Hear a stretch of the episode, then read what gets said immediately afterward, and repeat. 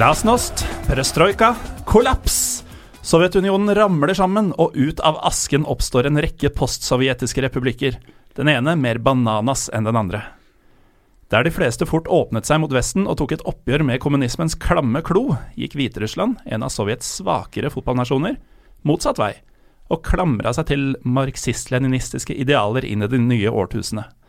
Staten, som omtales som Europas siste diktatur, åpna seg nylig opp, noe opp for turister, så vi tok turen og fant ut at Hviterussland, de suger i fotball.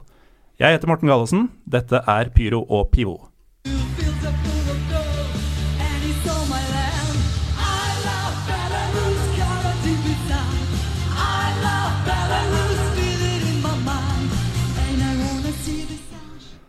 That's right. Vi har vært i Hviterussland, vi har vært i Minsk, og vi er faktisk Stefan Haugerud, God dag, god dag. velkommen. Du er faktisk med dette, og det vet jeg ikke om du er klar over, med i eh, tre av tre Pyro Pivo-sesonger.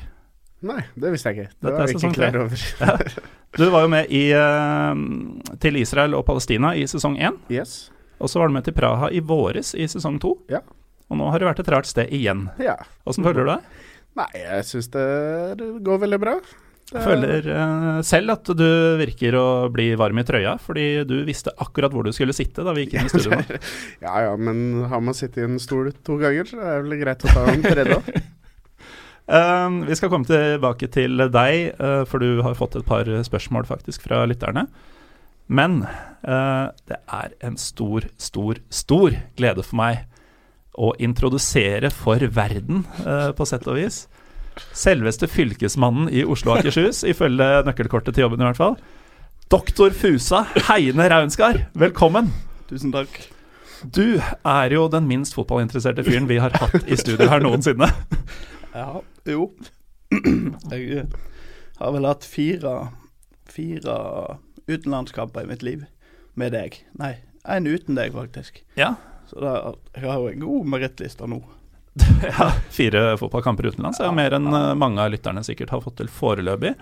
Men uh, nå er det jo sånn at den ene gangen du dro uten meg på tur for å se fotball, så var det ikke sånn at du prøvde noe nytt. Vi hadde jo sett Millwall eh, Watford sammen en gang tidligere, vi. Og så tok du turen på egen hånd. Ja, Hva så du da? Nei, da reiste jeg med noen venner fra Vestlandet. De ville på fotballkamp, så da ble jeg med. Um, og da Mens jeg satt og ble tagga på Facebook der av noen av dem, så rant det inn en kommentar om at uh, ikke bare er det Millwall, men det er Watford igjen. I en helt annen turnering mange år etterpå. ja, det vet jeg ingenting om. Ja, årene er greit, men ja. Nei, men jeg, jeg kan fortelle deg det, Heine. Det var, det var din kommentar på Facebook òg, bare så da. Ja, det kan, kan godt ha vært. Men uh, er du fylkesmann i Oslo og Akershus? Bare så vi får det tørt. Nei, altså, på samme måte som jeg ikke er doktor, så er jeg heller ikke det. Jeg har vært hos uh, en doktor en gang, og så jobber jeg hos fylkesmannen. Du har vært hos en doktor én gang. ja, kanskje flere. Men uh, Fusa-delen, den stemmer. Det kan alle høre. Akkurat den riktig. Ja. USA, da. Den beste plassen på jord. ja uh, Du har valgt å bosette der, eller? Nei. Nei. Du bor her i storbyen, du. Ja. Jeg gikk meg vill. Men uh, da jeg annonserte på Pyro Pivos eh, Twitter, som eh, for deg eventuelt nye lytter er Pyro Pivopod, så fikk vi umiddelbart et spørsmål til deg, Heine. Og det er uh, vår gode venn Trym Hogner, som rett og slett lurer på vil fylket bestå. Det vil bli litt Ja, akkurat. Det er, det er litt komplisert. Skal vi gå inn på Nei da. Akershus slås sammen med Østfold og Buskerud. Oslo blir Oslo fortsatt, men fylkesmannen tar over for alle disse her. Det blir én fylkesmann nå. Så du blir enda mektigere. ja, nå. Jeg jobber meg sakte, men sikkert utover landet. Det er veldig gøy å være med deg på tur utenlands, fordi folk spør jo alltid hva vi driver med. Og Stefan eh, er IT-mann, så han kan si 'something with computers'. Jeg kan si jeg er teacher. Du eh, pleier stort sett å si Jeg jobber i arkiv. 'I work in an archive'. Og det er jo ikke alltid like lett å forklare. Men uh, lytterne skal få bli bedre kjent med deg og hva du faktisk er god på. For uh, det er jo ikke bare fotball i disse reiseepisodene våre. Um, Og vi kan jo starte litt med Hviterussland som land, eller skal vi kanskje introdusere Stefan litt ordentlig? Eller eh, skal vi bare si at folk kan høre deg i Praha og Israel-episodene? Ja, det har vel Det er vel ikke så veldig mye annet som har skjedd eh, i det siste, så det blir samme Tusle rundt på litt breddefotball og, og dra på tur med deg. Ja. Så er vel, er vel det som skjer. Du er ikke full blown Marius Helgå, men eh, Nei. det blir mye bredde. Ja, altså jeg har jo noen lokallag som jeg liker å følge, og med Lillestrøm som sannsynligvis er på vei ned, så blir det litt uh, nedover der òg. Ja. Og så er vi jo rundt om og reiser litt og ser, ser litt kamper. Og så har du jo tidligere kameramann for eh, Skis TV. Ja, det så jeg noen som hadde spurt om, og det passer Ja. vel kanskje ikke inn i denne podkasten, men ja, ja, det vi, kan, stemmer. vi, vi kan ta en kjapp en. Det er da Sondre Nilsen som, eh, som sier at dette er ikke relevant, og det er det absolutt ikke. Men han vil gjerne ha en historie eller to om Nils med skills. Ja, altså Hvor mye historie jeg har om han, det, det veit jeg ikke. Men vi har jo vært eh, mye Vi har filma mye, vi har lagd mye. Vi, vi lagde en musikkvideo sammen eh, som vi hadde Ja, vi brukte tre fulle dager fordi det var, skulle være one take. eh, som var veldig gøy. Vi var i London Nei, vi var i Leeds sammen, og jeg var full, og han battla, så det var Ja. Det er, vi har hatt det mye morsomt sammen, da, i hvert fall. Og jeg har ikke så veldig mange spesielle historier, eh, akkurat eh, det vi har holdt på, men vi vi, vi hadde Vi, vi var holdt, holdt det gående ganske lenge med. Det blei ganske mange millioner views på YouTube etter hvert, og VGTV. Ikke så mange konkrete Nils med skills-historier foreløpig, men uh, Stefan, jeg kommer til å prøve meg igjen seinere. Ja. Fordi vi har en uh, flaske med ordentlig godt uh, hviterussisk produkt i, i studio i dag. Ja. Litt vanskelig å lese det, men jeg tror det het noe sånt som Hucherovka. Det er rett og slett en pepperrotvodka Mm. som Du er jo kjent for å spy en del. Og jeg håper jo vi skal lage podkasthistorie i dag ved å få til en liten elg på lufta. Nei, det tror jeg vi skal prøve å unngå, men Du skal prøve å unngå, jeg skal prøve å få det til. Men eh, Hviterussland er jo mildt sagt stikkordet i dagens episode av Politbyrå og Pivo. Eh, Heine, kan ikke du fortelle oss litt om eh, Hviterussland? Hva slags, eh, hva slags land er dette? Ja Eh, De eh, de ligger klemt inn mellom Polen og Russland og Ukraina og I det sjiktet? i det sjiktet der. Eh, og da er det jo En naturlig konsekvens av det er jo at du ble med i Sovjetunionen i 1919. Uh, før da så hadde det vært litt fram og tilbake mellom å bli sjefa over av Polen og av Russland. Uh, og da sa han der guiden vår at det der merker du litt på språket, for de snakker stort sett russisk. Alle snakker i hvert fall russisk, men litt. De kan vel hviterussisk, var det det de sa? Ja, uh, russisk språk er vel i verste fall, holdt jeg på å si, sidestilt med, med hviterussisk, som jo fikk vi høre ikke ligna noe særlig på russisk. Um, kanskje litt sånn som du snakker kontra dansk. uh, men at det hviterussiske språket visstnok skulle ligne mer på polsk og ukrainsk, hørte jeg. Eh, to språk som jeg ikke visste ligna på hverandre heller. Ja, da kan du si. Uh, ja, han sammenligna vel uh, spansk med portugisisk og litt sånt. Ja. Det er noenlunde like ord, men ikke alltid Helt forståelig. mm.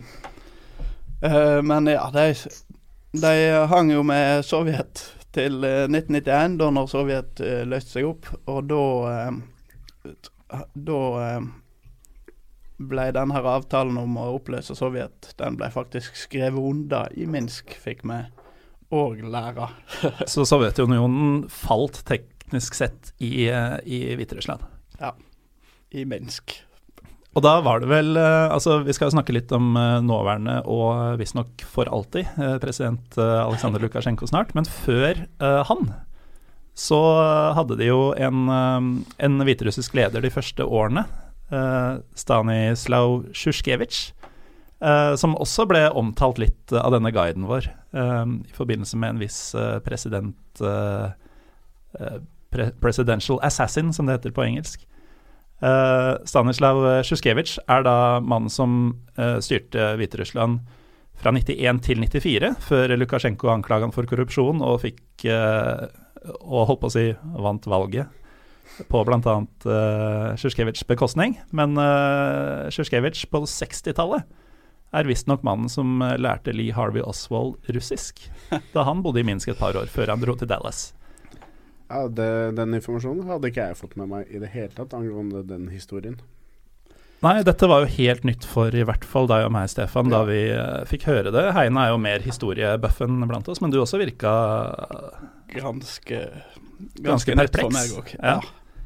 Eh, Det gikk såpass at jeg vurderte lenge om jeg skulle sjekke opp om dette stemte eller ikke, fordi jeg var redd for å få eh, ideen ødelagt av eh, fakta. Men eh, det stemmer faktisk. Det var ikke sånn at eh, Vi ble vel fortalt at uh, Sjusjkevitsj nærmest ble ansatt til å lære opp Aswald i russisk, fordi det krevde sovjetiske myndigheter da han hoppa av fra USA. Uh, Visstnok så skal de ha jobba sammen, og så lærte han uh, Oswald russisk på si. Men likevel, eh, en mann som har hatt stor, stor påvirkning på han som visstnok skal ha drept en amerikansk president under den kalde krigen, gikk da hen og ble leder av, en, eh, av den mest skal vi si, sovjetiske, postsovjetiske staten eh, ettertid. Så dukka da Aleksandr Lukasjenko opp, Heine.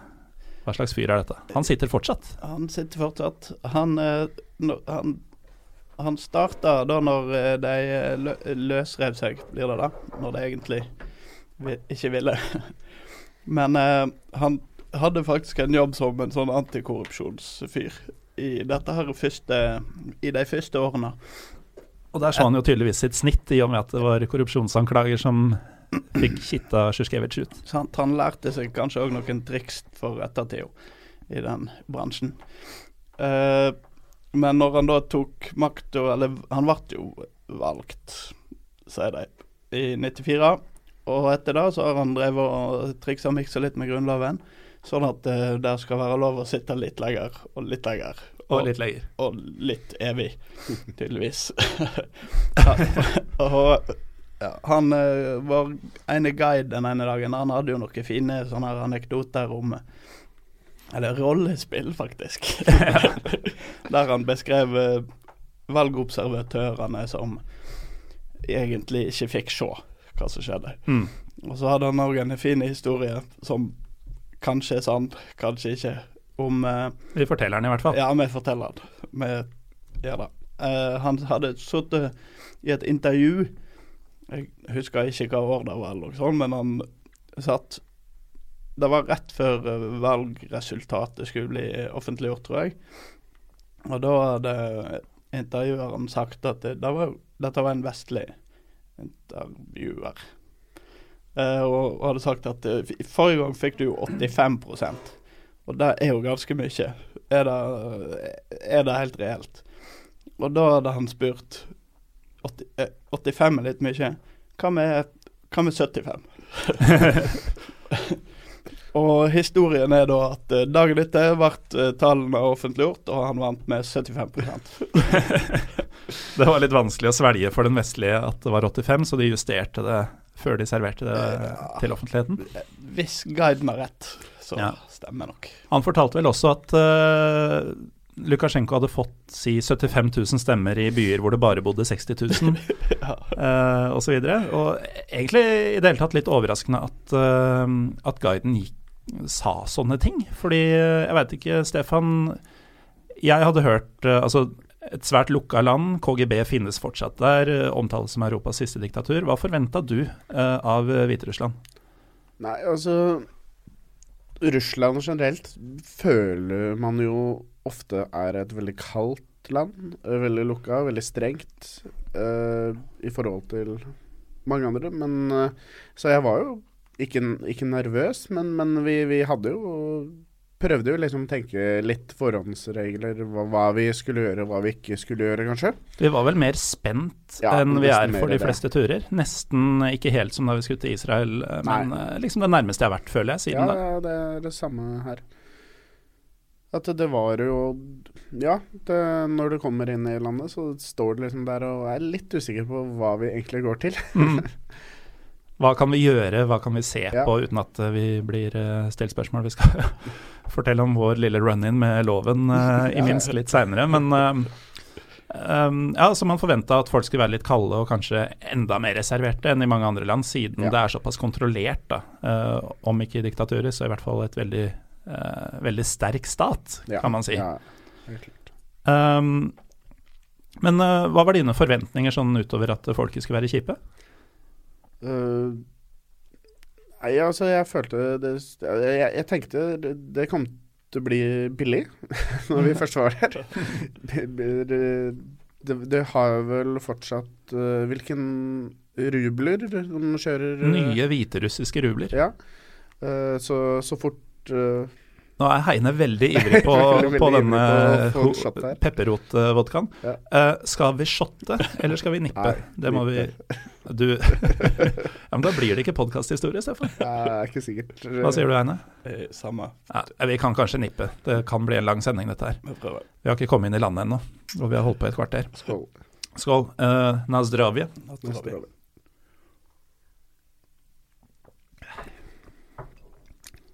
Det. Det jo Det smakte ikke så mye Altså, det smakte egentlig bare vodka. Ja, er jo glemt pepperrot. Det, dette er jukse, juksepepperrotsprit. Ja. Det kan jo ha noe med det vi fant ut før vi gikk i studio her, eh, Heine. At eh, flaska som de stabla opp da vi var på supermarkedet siste dagen, som man trodde skulle være Box Fresh fra fabrikken, den eh, gikk jo ut på dato, den, så vi nå. I, i juli i år. Det, apropos det, så eh, vi, vi så jo fryktelig mange apoteker i Minsk, og det sies jo at eh, jo eh, høyere apotektetthet, jo dårligere er folkehelsa. Uh, hvis det er tilfellet, så står det dårlig til med den jevne hviterusser. Ja. Kanskje fordi de tror de kjøper blodfersk pepperrotsprit, og så får de eldgammel vodka. Det kan jo òg hende det står på russisk her at du, du må tilsette pepperrot. At det bildet av pepperrota på etiketten, det, det er egentlig bare anbefalt ting å stappe ned i flaska. Kanskje. Det vi fikk på restaurant, var jo sånn hjemmelaga brennevin med tilsatte ting. Ja, for vi jukser litt her. Vi hadde jo smakt pepperrotsprit før. Ja, vi hadde. Og derfor eh, ble vi litt skuffa. Stefan garver nedpå. Så lenge det ikke smaker pepperrot.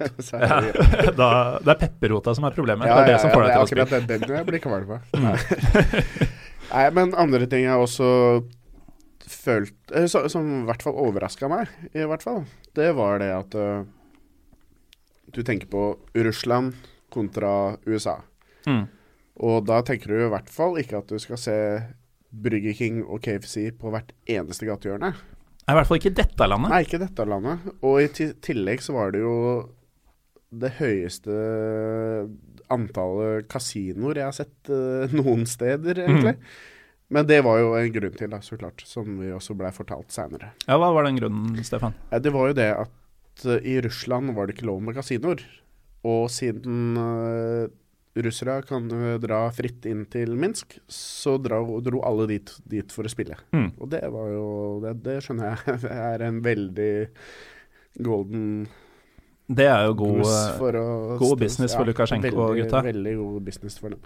Og vi lærte jo at vi var jo bare 70 mil unna Moskva, så det er jo ikke veldig lang vei for, eh, for veldig mange russere for å, for å ta en helg med gambling og pepperrotsprit. Ja. Og eh, vakre kvinner, som vi også skal komme tilbake Ja, ja, til.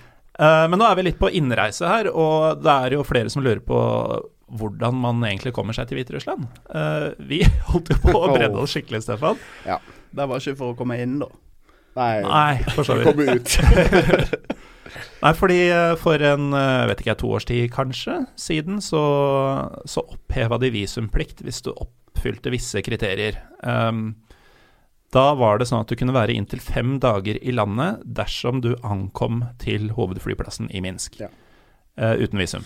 Mm. Uh, det var jo det siste vi hadde hørt da vi Ja, ja, ja. bestilte. Så vi, hadde jo, vi skulle jo videre til Vilnius, vi to. Uh, Heine, du skulle rett hjem etter Minsk. Skulle på jobb, fylkesmannen.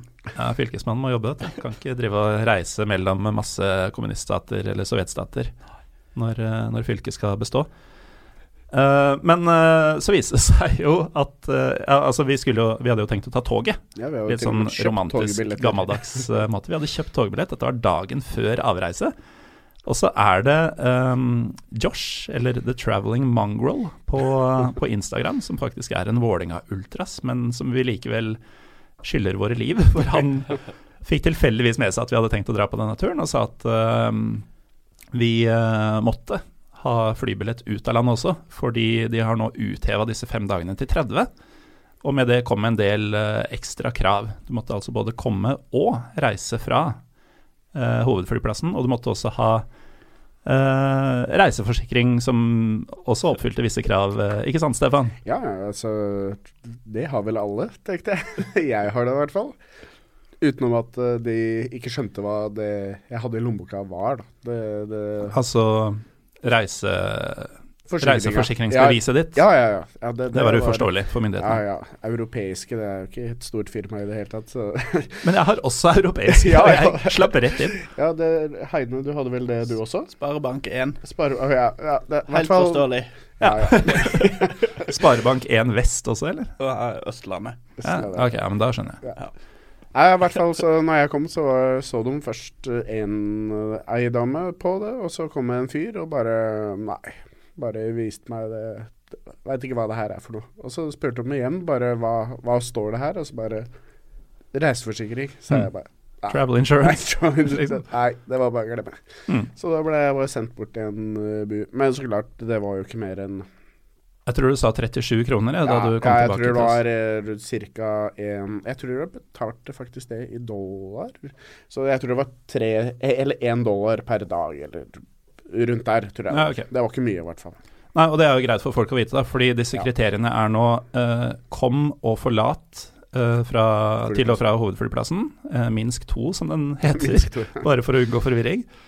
Eh, og så må du ha reiseforsikring som dekker visse krav, men dersom din ikke gjør det, så er det ca. 15 meter fra passkontrollen Ja. til et sted hvor de selger en ganske rimelig forsikring, vil Ja, jeg si. Med mindre Veldig. det skal bli Jeg var litt eh, nervøs at det ble kjempedyrt, men Mm. eh, det, Ja, for det var veldig en- enkelt. bra ting for dem å sko seg på. Ja, så klart. De kunne jo tatt egentlig hva de ville. Og så risikerer du å måtte kunne bevise at du har nok penger til å være der den tida du sier du skal være der. Eh, Det slapp vel alle vi tre. Ja. Men det er ikke rare pengene uansett. Jeg tror jeg snakker om 100 kroner dagen eller noe sånt. 23 dollar etter, etter Det var, det var en sum, i hvert fall, som ja, var, var en litt sånn sånn- spesiell Jeg skjønner ikke helt hvordan noen skal kunne bevise eller finne Nei. ut av det, da. Fordi disse nye hviterussiske rublene de får du ikke veksla til deg hvor som helst, så du må jo eventuelt bare komme og vise fram bankkontoen din og fortelle hva en norsk krone er, eller eh, enda verre, veksle ut masse euro på forhånd og så få veksla det når du kommer fram. Men uh, vi viste ikke noe cash og ikke noe som helst, så det er tydeligvis ikke rare greia. Nei. Tipper de tror at uh, vestlige turister har, Har nok til å klare seg et par dager i Minsk. Uh, men det er vel det man må vite. Vi ble jo da nødt til å kjøpe en ekstra flybillett. Ja, takk igjen, Josh, for at vi visste dette før vi dro.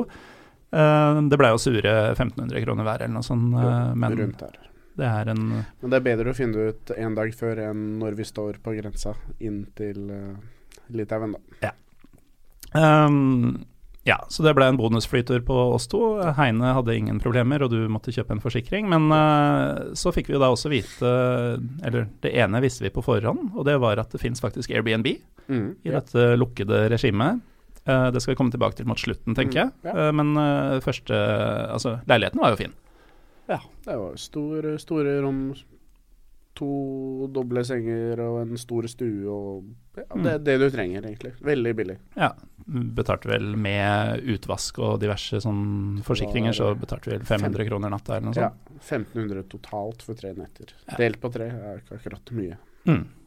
Nei, så det, det fungerer eh, fint der, tilsynelatende. Vi skal igjen komme tilbake til det, for det er uh, visse folk som heter Sergej, som ikke er eh, helt rimelige alltid. Men eh, vi har nå kommet oss inn i landet. Vi er i Hviterussland. Vi har sjekka inn i eh, leiligheten vår og har funnet ut at nå er vi sultne etter en lang dag på tur. Um, Heine, hva er det man må spise når man kommer til Hviterussland? Da må du i hvert fall ete potetkaker. Potetlapper. Ja, Panne- eh, potetpannekaker kalte de det. Noen ville kalt det røst i poteter, noen ville kalt det potetlapper. Draniki kaller Draniki. Ja. hviterusserne det. Og det er vel ingen fare for at man unngår det hvis man eh, er ute og spiser eh, et par ganger om dagen i et par dager. Jeg sjekker ikke så nøye, men det kan hende du klarer å unngå det på KFC eller McDonald's liksom, hvis du prøver. Men det var vel eh, til stede på alle menyer vi så. Sammen med saus og kjøtt. Ja. Uh, en klassiker som både du og jeg prøvde, var jo Draniki med en slags Det var jo egentlig en hva skal vi si, gryte ved siden av. Kremet gryte med kjøtt og grønnsaker. Ja. Som, som man visstnok skulle dyppe disse dranikene i. Hadde jo egentlig vært like greit å helle den over og bruke det som saus. Det var sånn jeg fikk servert det på første middagen. Så det, Mm. det kommer litt an på hvor, hvor du er. Men poteter er svært, da, i Ja, Hviterussland. Um, åt du noe spesielt uh, i løpet av turen, eh, Stefan? Um, Deler av et dyr som du ikke har spist så mye ellers, ja, altså, jeg Det var vel egentlig du som bestilte det, uh, men vi, vi prøvde vel oksetestikler i løpet av Minsk-turen. Ja, vi prøvde vel første dagen. Ja, det var vel Ingen første- tid å miste, som man sier. Eller det, det var vel kveldsmat, egentlig. da det, Ja. Derfor var det vel ett på natta, cirka. Ja, altså Teknisk sett så var det et nytt døgn, men, eh, Ja, jo, ja. men vi hadde jo ikke lagt oss for første Nei, gang det hadde da vi spiste oksetestikler. Hva er din dom over uh, okseballene, Heine? Nei, det var egentlig ganske godt. Ja. Kom igjen, fyldig tomatsaus. Ja, Ja. det var Jeg ødela litt, eller tok mye av smaken, tipper jeg på. For det, det smakte egentlig bare tomatsaus. Ja, det smakte mye saus. Det smakte bare gummi Ja, det, det var litt, konsistent. litt utfordrende konsistens Ja. de første par bitene, så ble jeg vant til det. Og etter det så syntes jeg det var godt. Mm. Utseendemessig var det jo nesten sånn eh, kjøttpølsebiter delt i to. Sånn halverte kjøttpølsebiter, hvis Ja. det gir mening. litt sånn uh, mistenkelige blodårer, eller slintra. Sånn der, Jeg tror det kalles forhud. Nei, vent da, dette var testikler, ja, kanskje hos deg. ikke cack. Hos meg, ja. Annerledesmannen nedentil. Um, ja, og så har vi jo vært innom allerede at vi er svært skuffa over denne såkalte pepperrotvodkaen. Fordi um, den vi fikk på Hva het det stedet? Grai kafé. Ja. Ikke til forveksling med Grang. Uh, det, det smakte jo ordentlig pepperrot. Det var nesten som å drikke sennep med sprit. Uh, men uh, det, det å blande ut gjerne søte og sterke og diverse ting i vodkaen, det var tydeligvis en greie, Heine. Ja, det var ei heil liste av hjemmelaga brennevin med diverse tranebær og ingefær og Honning. honning. ja, den Jeg kunne smakt den, men jeg tror jeg hadde blitt kasta ut. I hvert fall kasta vekk fra bordet. Ja, fordi honning det holder man seg langt unna. Honning er som føtter. Det er dritekkelt. uh, ja. uh, annen mat og drikke som uh, dere la spesielt merke til, Stefan? Eh, vi spiste vel Jeg, jeg vet jeg husker ikke hva det het, men vi spiste noe dumplingslignende greie til en frokost vi hadde. Stemmer det? Og det, ja, det Hva det het? Det, dumplings er jo dumplings, holdt jeg på å si. Det er en stor greie i Øst-Europa. Ja, veldig. Eh, det samme er jo um, suppa borsj-tegne, som både du og jeg spiste. Som for øvrig het borsj, bare. Uten T i Hviterussland. Ja. Um, men uh, ja. Veldig, veldig mye sånn Hvis du har vært litt i Øst-Europa, så kjenner du igjen mye av maten. Ja. Eh, mye husmannspreg over det. Uh, kjøtt, potet, saus, gryte, uh, suppe. Um, Heine, var det noe annet du drakk som du Første stedet vi var på, var jo faktisk et sånn håndverksølsted. Det var litt overraskende å snuble over i den delen av verden. ja, men da syns jeg vi så flere plasser òg. De hadde ofte lokale varianter av god øl, Mm. og ikke bare sånn herrepils pils som, som en eh, Forventer. Forventa. Ja, sånn enerådende kommunistisk eh, monopolpilsprodusent Ja. som, eh, som serverer overalt. Gjerne med stjerner på flaska. Det er selvfølgelig deilig for folk som er glad i litt mat og drikke, men er det noen som føler at det tar litt av edgen av å reise til et spesielt sted som man tenker på som litt mystisk og eksotisk? At det i stadig større grad blir som alle andre steder? Heine? Da blir det kanskje lengre mellom eh, de interessante måltidene, på en måte. Mm. Uh, men uh, For vi røyk jo på KFC en gang, rett og slett fordi det var tilgjengelig på en tid på døgnet som vi Alt annet var stengt. ja. Men det er litt sånn Jeg tar gjerne en runde KFC hvis jeg er utenlands, fordi du ikke får det i Norge, og fordi det, Ja. det er litt godt. Men uh, man, man drar ikke til Minsk for å spise KFC. Nei. Men øh, Stefan, du, du nevnte innledningsvis at øh, vi forventa at folk skulle være litt sånn kalde og, og skal vi si, ukrainske, russiske, østeuropeiske generelt, som ofte er lite interessert i å komme i kontakt med, med turister. Um, Merka vel forholdsvis tidlig at uh, de er litt uh, mer glad i turister der enn uh, en i mange andre steder vi har vært. Ja, helt klart. Eh, vi møtte jo mye folk overalt Faktisk. som ville prate. Altså, uansett hvor vi er, så skal jo alle ta bilde av deg. Det er jo, det, sånn er det jo bare. Men, men det er jo en annen sak. Det er kjendisstatusen som er kommer av Pyro ja. Eh, så utenom det altså, Vi møtte jo folk. eh, Folk skulle prate, folk skulle skåle, folk skulle Ta bilde. Ja, ta bilde. Det, så, nei, det, det var veldig mye hyggelige folk som vi møtte. Mm. På varierende engelsknivå. Ja, Ja. det Men eh, generelt så vil jeg si at Fordi det hadde jeg lest at engelsken skulle være så å si fraværende, og da Trym Hogner og jeg var i Kiev, så var engelsken fraværende. Utrolig frustrerende, fordi det var de flotteste damene vi har sett, og det var ikke mulig å snakke med noen av dem. Eh, til stor glede for de lokale damene, selvfølgelig, men til, eh, til ergrelse for oss. Eh, men jeg ble faktisk positivt overraska. Uh, alle Helt serveringsstedene vel, hadde vel menyer på engelsk og tok bestilling på engelsk. Ja, og det vi fikk jo uten at vi sa et ord, så skjønte jo med at ikke vi snakka russisk. Så, så da Ja. fikk vi jo menyene på engelsk før vi rakk å sette oss ned, nesten. Det er jo for så vidt en god giveaway å si 'three people' når Ja, du kommer ja, inn jo, eh, det er sant, det er og skal bli balansert. Um, det skal godt gjøres ikke å, å, å gi oss en russisk meny der, hvis du har et alternativ. Ja. Uh, men, men folk generelt også, de var uh, stort sett mer villige til å snakke med oss enn uh, enn de var kapable til. Jo. Men uh, i det hele tatt, vi, vi fikk jo hatt en del samtaler hvor vi delvis forsto hverandre. Ja, Ofte så var de jo nysgjerrige og, og pratsomme. Da de alle, tror jeg omtrent nøyaktig alle lurte på, var hvorfor. ja. Jo, det er så, hvorfor er dere her? og, og det sa jo til og med guiden. Vi var jo, denne guiden vi stadig refererer til. Vi gikk på en såkalt free walking tour, som du finner i sikkert hver eneste by i Europa etter hvert. Minsk intet unntak. Og eh, han sa jo til gruppa sånn med en gang at uh, dere er alle erfarne reisende, åpenbart, fordi du kommer ikke til Minsk hvis du ikke har reist overalt ellers ennå. Og det er jo delvis uh, sant uh, for vår del i hvert fall, og sikkert resten av gruppa også. Det var uh, veldig få som som viste noe særlig wow-ansikt over ting han fortalte. Det var liksom plassert gjeng som han tok med rundt omkring i Minsks gater. Ja. Men dette med altså, fattigdommen og det autoritære samfunnet, hva er ditt inntrykk, Heine? Virka de spesielt fattige og undertrykka? Ikke i byen der. Og den der pressefriheten og sånn som en har hørt skal være eh, manglende, eh, den eh, Vi ble overraska av han derre guiden igjen og igjen, fordi han fortalte om disse her tingene om valgfusk og han sa så mye som vi trodde han ikke hadde lov til å si. Ja. Eh, men og altså, hadde vi ikke vært i Minsk, så hadde han sett ut som hvem som helst fyr på Grünerløkka, han karen. Ja, han var ganske hipp. Han var ganske hipp. Vet- men så det overraska en del, at de eh, Han og egentlig flere vi møtte, var åpne og snakket om disse tingene.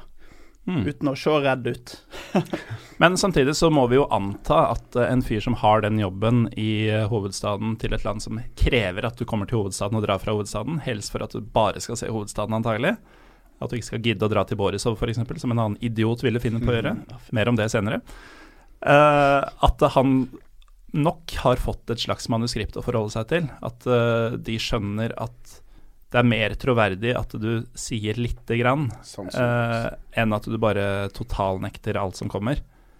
Uh, det, det, det, må ha vært mer regissert enn han virk, fikk det til å virke som. Kan hende en kan anta det. Jeg, jeg tipper på det. Vi tipper på det. Vi tipper på det. Eh, men i hvert fall, vi, um, vi har spist, vi har fått et inntrykk av byen, vi har uh, fått en guida tur, og så er det på tide å gjøre Heines favorittaktivitet når man er på reise, nemlig å dra på en elendig fotballkamp.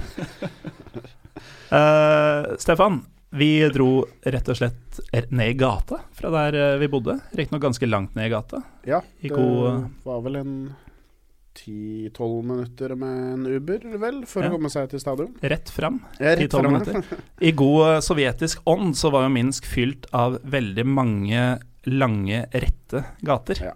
Det er helt klart. Og den som vi bodde i, som jeg aldri lærte navnet på, ikke nå heller, kan navnet på, den førte oss til stadionet til eh, FC Minsk. Mm.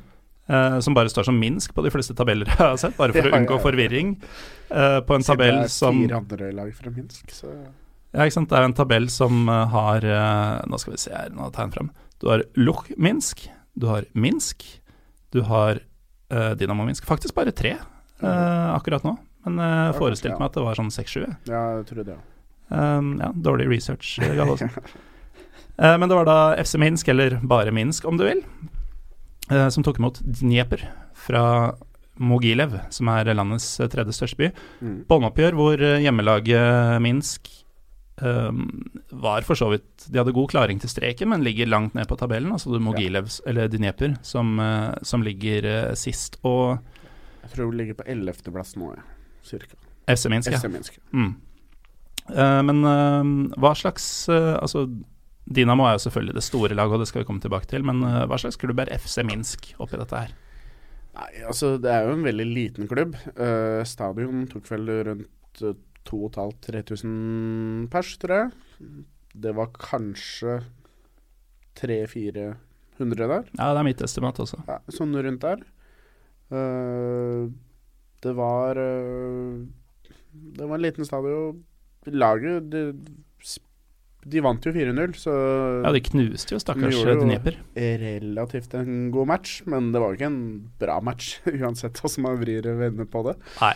Det sier vel kanskje litt med det andre laget, egentlig. eh, Hvor dårlige de var. Ja, de er ganske sjanseløse. Eh, Mm, Men til tross for få tilskuere og tilsynelatende veldig liten risiko Altså, de hadde jo faktisk åpna Vi var på den ene langsida. Eh, Det kosta oss vel fire rubler, som er eh, 14-15 kroner. 13-14-15 kroner. eh, å komme inn på langsida. Og så hadde de faktisk åpna motsatt langside, hvor eh, borte supporterne var, som sikkert var 30 20-30-40. Ja, ja, ikke noe mer enn det, i hvert fall. Like fullt så var det noen ganske badass vakter på stadion, eh, Heine. Vi ble jo nesten strippa ned ved inngangen. Ja. Um, du fikk med deg snusen din, eller? Ja, det er Etter litt forklaring? Ja, jeg måtte bare vise. Ja. It's the Mima tobacco. Men på ryggene til disse, det syns vi var veldig gøy, fordi kyrillisk, eh, der er jo det som ser ut som en H for oss, er jo N. Og disse vaktene var jo da fra noe som heter omon, og det så ut som noen hadde skrevet homo baklengs. Uh, du googla disse, du, fordi du syns det virka litt rart at eh, at såpass tøffe karer med såpass tøffe uniformer skulle passe på en fotballkamp. Eh, Ja, jeg var sikker på at jeg hadde sett det i nyheter og sånn her eh, tidligere i litt mer alvorlige sammenhenger. Så når jeg googla det, så viste det seg at dette Nå husker jeg ikke hva det sto for, men det var noe sånn her innenriksministeriet sine politimenn. Og på, på Wikipedia så sto det at disse her OMON, de eh, ble brukt i høyrisikooperasjoner og, og terror, eller hva, ja. Altså Ja, det var heavy al alvorlig, alvorlig eh, situasjoner. Det virka ikke akkurat sånn, for vi så jo de gå og patruljere i gatene og sånt òg. Så jeg vet ikke, kanskje det er bare veldig mange av dem klar. Men eh, heldigvis fikk vi ikke se det i aksjon og bedømme det på da. Nei, ikke annet enn at de sto så skumle ut i eh, inngangspartiet. Ja. Eh, men eh, det kan jo sikkert være bra at de var der, fordi selv om nivået på fotballen, Stefan, det var jo så som så, men vi fikk jo se et hjemmelag som knuste motstanderen. Det gir jo god eh, stemning, i den grad du kan få det når det er et par hundre folk der, bare. Ja. Men um, det var jo mye positivt ved stadion. Det var jo for det første ganske kult um, Det så ganske stilig ut Ja, til å være såpass lite. Og så hadde du et øh, klubbhus med en kafé. Ja. Hva fikk man kjøpt der, Stefan? Øl, Man fikk kjøpt øl! blant annet. Uh, man fikk riktignok ikke ta den med ut av kafeen og inn Nei, på tribunen, eh, og der har sikkert Omon eh, gjort at det er noe folk etterfølger. Ja. Men vi kjøpte oss jo en øl da, og um, igjen var det noen som skulle ha kontakt med oss. Ja, det, jeg husker ikke hva han het, men uh, det var en litt halvveis slitsom fyr. som, som heller ikke var veldig god i engelsk. Men han skulle i hvert fall diskutere fotball, Ja. og veldig lenge. Og vi Veldig glad i Tromsø, mener jeg å huske. Ja, ja, Tromsø. Det var Jeg husker ikke hva, hva grunnen var. uh, Jeg tror han hadde vunnet penger på dem Ja, på tipping en gang. Han, han hadde jo ikke penger, tydeligvis. Nei. For han skulle jo han, han overtalte oss vel egentlig, eh, med dårlig engelsk, at vi skulle kjøpe en øl til den i pausen. Så, så både han og kameraten hans, som Mm. Ikke sa et ord Og, så, og en pølse, men det, Og pølse, ja, det var de tom for, så da ble det potetgull i stedet. Da slapp vi de fem kronene. Ja, Så han ble jo kjempefornøyd når han fikk en gratis øl. ja, ja. Han var jo fornøyd før det også. Ja, ja, ja. Han, fikk jo le han lekte jo med noen fotballgutter og blei rundspilt av de. Ja, for eh, FC Minsk hadde jo et uh, småguttelag som uh, sikkert har gratis inngang eller noe sånt, hvis de dukker opp i, i klubbdrakt, eller treningsdraktene. Og uh, det var et område her, et ganske stort asfaltområde mellom tribune og kafé, hvor disse gutta spilte ball, og han skulle da blande seg inn da, når han var inne i sin fjerde øl eller noe sånt. Det gikk jo så som så med han. Ja, han blei vel kjørt noen tunneler på i løpet av Mm. noen minutter, og han løp rundt som en liten en kylling, egentlig. Ja. Bare så, Visste ikke helt hva han drev med. Jeg tror han havna på ræva en gang. Ja, det Ja, han tror jeg. gjorde altså. Eh, Veldig morsomt for oss som sto og drakk øl og så på. Ja. På, på trappa da var så langt utenfor kafeen med Vågdås. Mm, ja, det var liksom én fot innafor dørstokken, bare for sikkerhets skyld. Eh, men vi, vi prøvde oss jo på litt sånn um, pøbelvirksomhet på stadionet her, Stefan. Du hadde jo noe Pyro Pivo-klistremerke med deg. Ja, ja. Vi satte det Vi måtte jo tømme ut den ølen her etter hvert, så jeg måtte jo på toalettet. Så det, når det ikke var noen andre her, så var det jo bare å sette på noen klistremerker. Men øh, Ja. du var vel inne to minutter etter meg? Ja, muligens litt lenger, Ja, litt men, lenger, kanskje, eh, men, det hadde eh, ikke gått en halvtime. Nei. Da, da var du jo borte igjen, så det, det var veldig Og det sier jo litt om Altså, det, det var vel det klareste bildet vi fikk av at samfunnet er sånn som vi hadde i tankene. Ja, ja. At det er gjennomkontrollert. Fordi disse merkene var jo da på den elektroniske håndtørkeren på Ja. dassen. Eh, og et klistremerke uh, etterlater seg gjerne litt sånn limrester og sånn når du peller det bort. Det var helt shina. ja. Det, det, Og var ikke tegn to, liksom, ja, det var ikke tegn til at det hadde vært noe der. Nei. Helt vilt. Da var byen generelt òg veldig rein. rein. Mm. Ingen, uh, ingen søppelhauger, som jeg så i hvert fall. Nei, og, og, og det, Det kan vi jo ta med en gang, for det har litt sammenheng med andre ting. At uh, det var fryktelig reint, og det, vi fikk jo inntrykk av at det småkriminalitet, det uh, slås hardt ned på. Ja. Og da kan du bare tenke deg hva ordentlig kriminalitet gjør. Men det sies jo å være en uh, veldig trygg by som følge av dette sterke regimet. Og det var vel aldri noen fare for ve og vel, i hvert fall ikke i gatene, Heine. Nei, da Bortsett fra Ja, vi kommer dit. Ja. Det var derfor jeg sa gatene. Ja, sant. Er det den vi er kommet til nå? Nei, nå er det bare sånn generell Ja, trygghetsfølelse. Nei, generelt så var det, var det egentlig trivelig og ikke noe skummelt. Nei, det, altså vi, vi kom jo dit med litt høye skuldre og veldig respekt for stedet, og jeg merka Jeg ble veldig fort ganske komfortabel der. Ja. Vi Liksom rusla jo rundt uh, gatelangs uh, ganske seint på natta uten Ja. noe problem, ingenting. Nei, det var først og fremst myndighetene man Ja. var redd for etter hvert. Og um, det var jo litt sånn det, det eneste det hadde å si for oss, var vel egentlig at vi um, Vi var litt forsiktige med å ta bilder av offentlige bygninger. Uh, vi så bl.a. en Lenin-statue som, uh, som var veldig Veldig bilde, veldig Instagram-vennlig, men uh, den hadde et rådhus i bakgrunnen, og en av beskjedene man får i forkant, er jo at man helst ikke skal ta bilder av offentlige bygg. Hvis det er et flagg på huset, så bør du ikke ta bilde av det. Ja, det er uh, gyllen regel i Hviterussland fra doktor Fusa, fylkesmannen i Oslo og Akershus, Heine Reinskar. Ja, og, og guiden Og, og, og guiden som fortalte oss det. som, uh, som fortalte oss det, men som òg sa at uh, stort sett så gikk det fint. Stort sett så sa det ikke noe ting. Hmm. Men uh, Stefan, vi bruker jo Groundhopper, vi to, eh, appen, som Mm. vi også har hatt en episode om tidligere i år. Um, det, FC Minsk Dnieper, har du noe å melde Groundhopper-app-messig fra den kampen, eller? Eh, Du har jo en Hvem andre er her-funksjon, blant annet. ja, vi har jo det. det. Vi visste jo ikke det den dagen, men vi møtte jo noen andre når vi var eh, på neste kamp, Mm. Som tydeligvis hadde vært på samme kampen og sett at vi hadde vært Ja, der. de visste at eh, Ja, dere var på den i går, ja. Ja, så, så, så Det er jo andre turen jeg har vært på nå, som jeg plutselig bare møter folk, og så bare 'Å, dere er fra Lillestrøm?' Og så bare 'Hæ? Hva? hva, hva? Forstår ingenting?'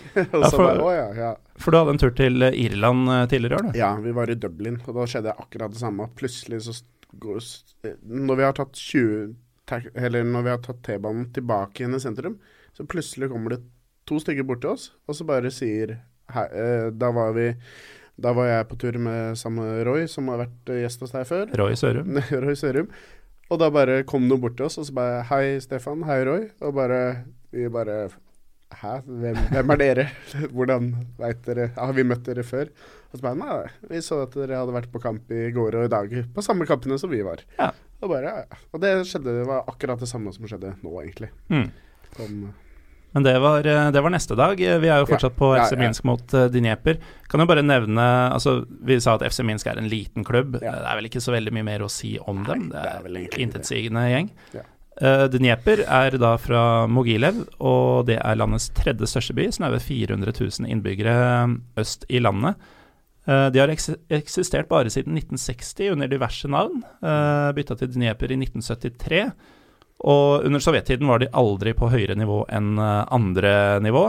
Uh, vant riktignok den hviterussiske ligaen i 1998. uh, 20 år siden nå, men de har vært et heislag siden. Uh, rykka opp og ned, vært oppe siden 2015, men rykker nå ned igjen denne sesongen etter alle solmerker. Um, det morsomste med denne klubben er at i 1998 uh, så absorberte de en eh, klubb eh, i samme by som het Transmarsj og het da Dnieper Transmarsj Mogilev fram til 2006. Og jeg tenker i et land hvor uh, det sikkert er litt sånn tekno Teknologi ligger litt etter, sikkerhetssjekker og sånn, de har ikke lært seg alt om det. Å en, eller å kalle klubben sin Train Smash, som det er veldig fort gjort å, å, å lese inn i det for en, eh, for en vestlig fyr, i hvert fall. Kan ikke være all verdens til idé. Men eh, to klubber som egentlig ikke er verdt de x antall minuttene vi har prata om eh, dem nå. Men sånn var det jo litt med FC Minsk også, fordi det var også en klubb som spiste opp en egentlig en annen klubb, da, som var studentlag som het eh, Smena Minsk. Og de, den ble også bygd om Eller gjort om Eller FC Minsk tok over den klubben og plassen deres i ligaen fra Mm. øverste divisjon, så de slapp å starte klubben og bygge seg Eller gå fra andre til første, for de starta re- tok plassen deres. Og i samme året, 2006, øh, og havna rett i første divisjon, da. Eller øverste divisjon, da. Litt sånn eh, Red Bull Salzburg-preg, Ja, bare ja. uten eh, de onde markedskreftene. Ja. Um, så kampen ender jo 4-0 mellom to ganske dårlige lag, men fin opplevelse alt i alt. Um, fikk vi noe pyro på slutten, eller? Hvis det er Pyro, lov å kalle det det. Det, var én røykebombe blant den uh, lille ultrasgjengen på vet ikke se, seks mann? Mann, I beste fall. Altså, det var de, de fikk litt hjelp av noen småbarn som sto bak dem. Det, de var vel litt flere enn den lille gjengen, da. Så det var ikke så store greiene. Men de hadde en røykebombe. Det skal de ha. De hadde lilla røyk, faktisk, lilla til tross for at eh, Til tross for at det ikke var lilla. Ja. Um, Heine, har du noen, eh, noen betraktninger om eh, fotballopplevelsen eh, mellom FC Minsk og FC Dnieper før vi går videre? Nei, altså jeg, husker bare én fotballkamp, jeg. Så, Ja, og det er pga. togturen. Ja dagen dagen etterpå skal vi på togtur, men eh, vi må jo stoppe her et lite øyeblikk, Stefan. For du og jeg er jo ikke spesielt eh, etablerte menn. Nei. Eh, og for moro skyld så åpner man jo da visse apper Ja. når man er eh, ja, både hjemme og på tur, egentlig.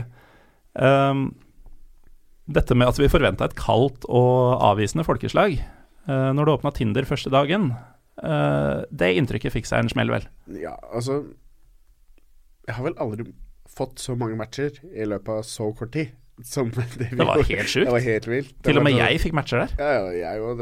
Det, I Norge får du aldri noe. Der er- var det jo helt kaos.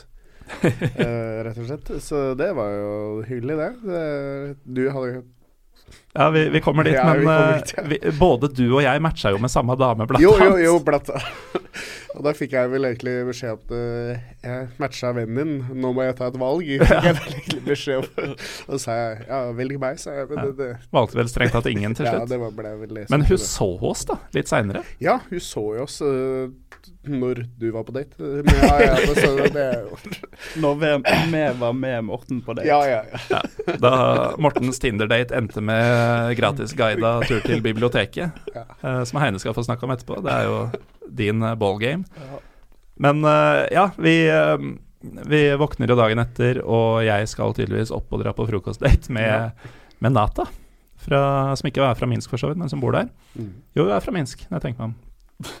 det var en annen som ikke var derfra. Men uh, tidlig i dag, da, og på kvelden så skal vi jo til Borisov. Ja. Uh, og dra til Petter Bø Tosterud-byen uh, og se Petter Bø Tosterud-laget bate. Men ja, den referansen tar ikke du, Heine, men det er en og annen pyrolytter som, som humrer litt for seg sjøl nå. Som har vært med lang, lang tid. Eh, men uh, dere to ligger og drar dere eh, hver for dere, så vidt jeg veit, etter Ja. at jeg har gått i et par timer. Og så um, spiser jeg frokost med denne Nata, og vi bestemmer oss for å møte dere når dere omsider kommer dere ut. Ja. Um, og bruker egentlig dagen ganske, ganske positivt, vil jeg si. Ja, det er veldig hyggelig. Hun finner jo ut at vi har vært i byen i et par dager, og så har vi ikke sett biblioteket. Og det, Heine, eh, du drakk til Minsk uten å se biblioteket. Nei, nei, som hun sa, dere er jo helt idioter som ikke har sett biblioteket.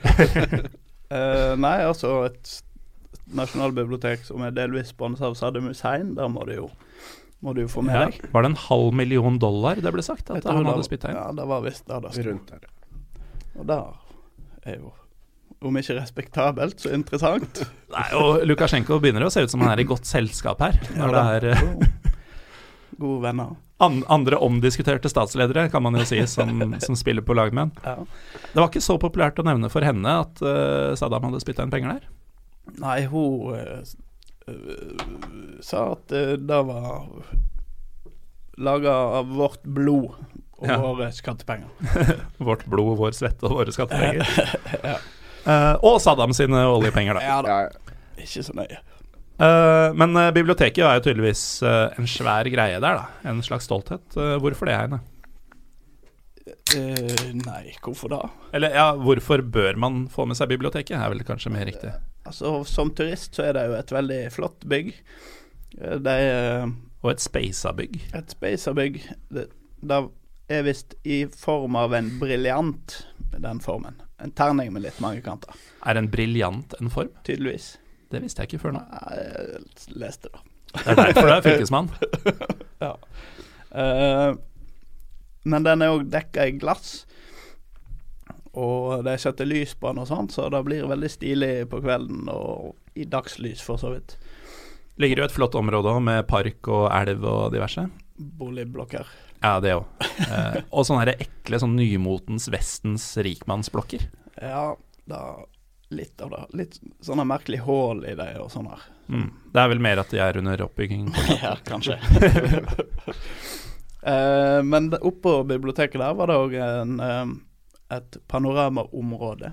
Så for eh, noen skarve rubler så kunne en ta heisen opp til 23. etasje.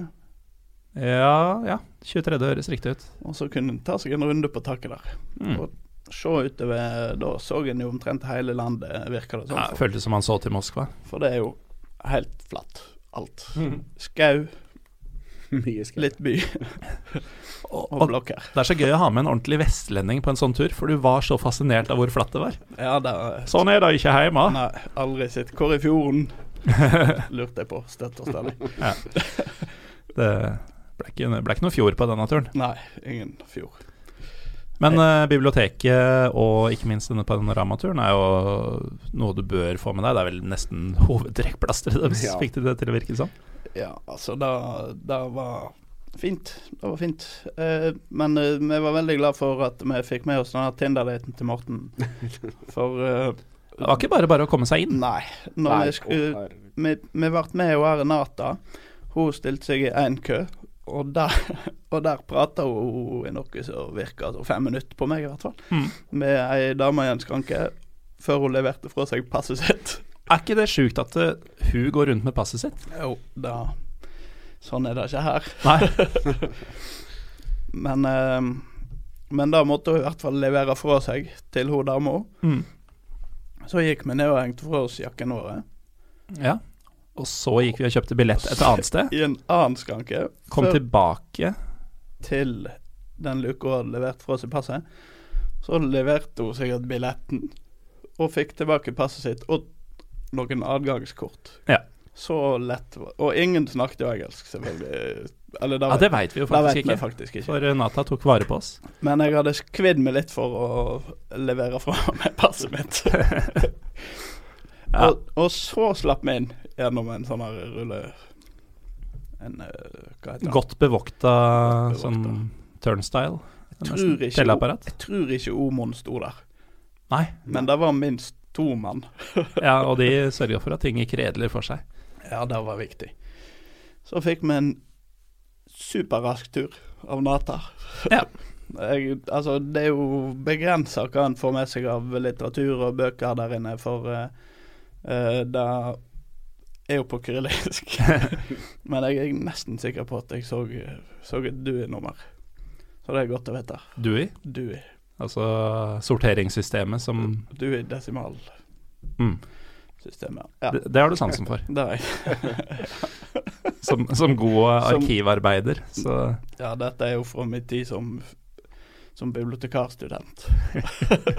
jeg føler at uh, lytterne nå antagelig begynner å danne seg et ganske riktig bilde av hvem du er. Dryppa kommer liksom litt og litt, og bare alt henger sammen på et vis. Uh, men vi kunne jo ikke henge på biblioteket for alltid, fordi vi måtte jo si eh, takk og farvel til Nata, trodde vi. Uh, fordi vi skulle dra til togstasjonen og finne ut hvordan man kom seg til Borisov, for vi skulle jo på storoppgjøret Bate mot Dynamo. Mm. Eh, det var da vi fant ut at det fantes Uber i landet, Ja, altså i tillegg til Airbnb. Vi har jo tatt Uber i andre land, men vi hadde jo liksom ikke følelse at uh, Hviterussland, litt strengt regime Nei, Uber, det finner vi der. Så vi hadde jo ikke giddet å prøve, å finne det engang. Nei, hadde ikke streifa oss. Men vi var jo helt håpløse folk som ikke hadde testa det. Ja. For det var jo, vi ble lurt av taxiene, og det var liksom helt håpløst, ifølge hun. Ja, mente hun, da. Ja, mente hun. Eh, for taxiene har jo taksameter der. Ja, De holder det men, det riktignok gjemt inni det der mellom eh, Ikke hanskerommet, men det som er mellom de to setene ja, foran. eh, og tar det fram når turen er over. Ja. Men eh, det var jo ingen grunn til å mistro dem. Men den Nei. prisen vi betalte fra flyplassen og inn på må jo ha vært eh, 350 kroner, eller kanskje mer enn det. Ja.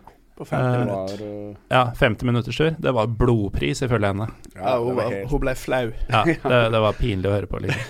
Og det viste seg jo også da vi, eh, da vi bestilte Uber da vi skulle ut igjen, Ja. samme vei, så var det jo en tredjedel av prisen eller noe sånt. Men nå Eh. var jo den litt, Ja, den, litt spesiell igjen. den var også litt spesiell. Hvorfor det, Heine? Nei, det er altså Da kom jo en taxi og tuta på oss. Så da Uberen vår var altså en taxi. Og som Jeg vet ikke, jeg kjører Uber i fritida. Ja. Eh, og etter da, så Etter vi satte oss inn, så viste han oss den avtalte prisen, som eh, Det er jo det som er så fint med Uber. Mm. Men når vi hadde fått sett den, så ville han kansellere den. Ja. Og det eneste vi kan regne med da, er jo at han ville At det ikke skulle registreres, sånn at han kunne ta det svart. Ja.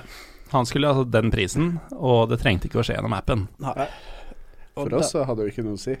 men, men det var jo for å få det svært. eh, Slippe å Ja, betale Uber for noe som helst. Og dette er jo en annen ting som eh, man eh, hadde hørt om på forhånd, at det var helt åpenbar korrupsjon eh, som du gjerne skulle se på åpen gate i all offentlighet. Dette var vel egentlig det, det nærmeste vi kom akkurat det. Um, det var, ikke, var ikke så synlig så mye korrupsjon, men Kanskje hvis man tilbringer et par dager til der. Kanskje. Uh, når det er sagt, så uh, har vi jo glemt å nevne dette Dette klammeriet vi havna i med, med lovens lange arm. Um, Heine, kan ikke du fortelle nøyaktig hva vi gjorde galt? Ja, nei, altså vi gikk mot den eh, eh, Denne kafeen der vi skulle smake Kafé Grei? Kafé Grei skulle smake vår første pepperrotsprit. Ja. Uh, og da eh, kom vi frem til gata, og så så vi til venstre, der kom det en bil, og den kjørte forbi. Så var det ikke flere biler i gata. Det var biler oppe i gata, og der det var en liten politikontrollpost, Mm. virka det som. Ca. 20 meter bortover. Cirka 20 meter. Og så, men da eh, var jo greit, de sto og var opptatt med sitt. Så vi gikk bare over denne gata eh, og skulle inn på denne kafeen. Og da jeg svingte inn mot døra der, så så jeg en sånn eh, jeg, jeg tror faktisk det var en Omon-mann. Ja, han så ganske militant ut. Ja, han var feltuniform og beredt. og Hvis dette hadde vært en Drekkameratene-sang, så ville teksten gått Da kom en diger mann, han var ganske sinna, han, og sa 'dette går ikke an'. Ja, og da var Hvis jeg forsto russisken hans riktig, så var det akkurat det han sa. Dette går ikke an. Dere må gå på for, uh, fotgjengerfeltet. Så pekte han ut fotgjengerfeltet, som var sånn 150 meter ned i gata. Ja. Og ett til på andre, i andre enden, Cirka like langt cirka like langt. Eh, han kjefta oss opp på russisk, og vi sa unnskyld, unnskyld. Uh, ingen ruski. Men vi skjønte jo hvor godt hva han sa, og så Lovte aldri å gjøre det igjen. så, vi så tydeligvis så lovende ut at han, eh, han lot oss gå på kafé. Ja, vi slapp unna med en advarsel. Der var, det var vel der en var forberedt på å gave litt i lommeboka Ja, jeg så litt for meg det. denne gangen, men det var ikke noe snakk om det. Nei. Så han var trivelig. Og den Han var jo ikke det. Han, altså han, kunne vært verre. Ja. Han brukte bare munnen. Ut, ut fra det vi leste om eh, Omoen etter fotballkampen, som vel var eh, Ja, det var seinere på samme dag, eh, så kunne det gått mye verre. Men uh, gjennomkorrupt eller ikke, vi uh, Nata finner jo ut at eh, hun skal skaffe oss en Uber som hun skal betale for, hvis jeg ikke husker helt feil. Nei, det var Vi betalte med cash. Stemmer det. Uber, der kan du fort betale med cash. Ja, stemmer. Og, og da tok jo vi den. Ja. Uh, men det var sikkert ikke hennes intensjon, for hun var jo verdens beste person. Ja, ja, ja. Eh, skal, vet dere forresten hva hun, hennes fulle fornavn er? Hun heter jo ikke Nata. Ah, nei. Natasha. Natasha. Mm. Hvor rått er det ikke? Når du først skal møte én dame fra Minsk, så heter hun Natasha. Klassisk. Det er så KGB, det. Hun er en Sånn sånn honey trap. svale. Uh, men hun tok oss i hvert fall til stasjonen. Uh, vi insisterte på å betale Uberen i cash av en eller annen grunn. Uh, hun ordner alt som kan ordnes på togstasjonen, og blir nærmest med oss Ja, hun blir jo med oss inn på toget. Sitter Eh, vel her i 15 minutter før Ja. toget skal gå, og så går av. Ja.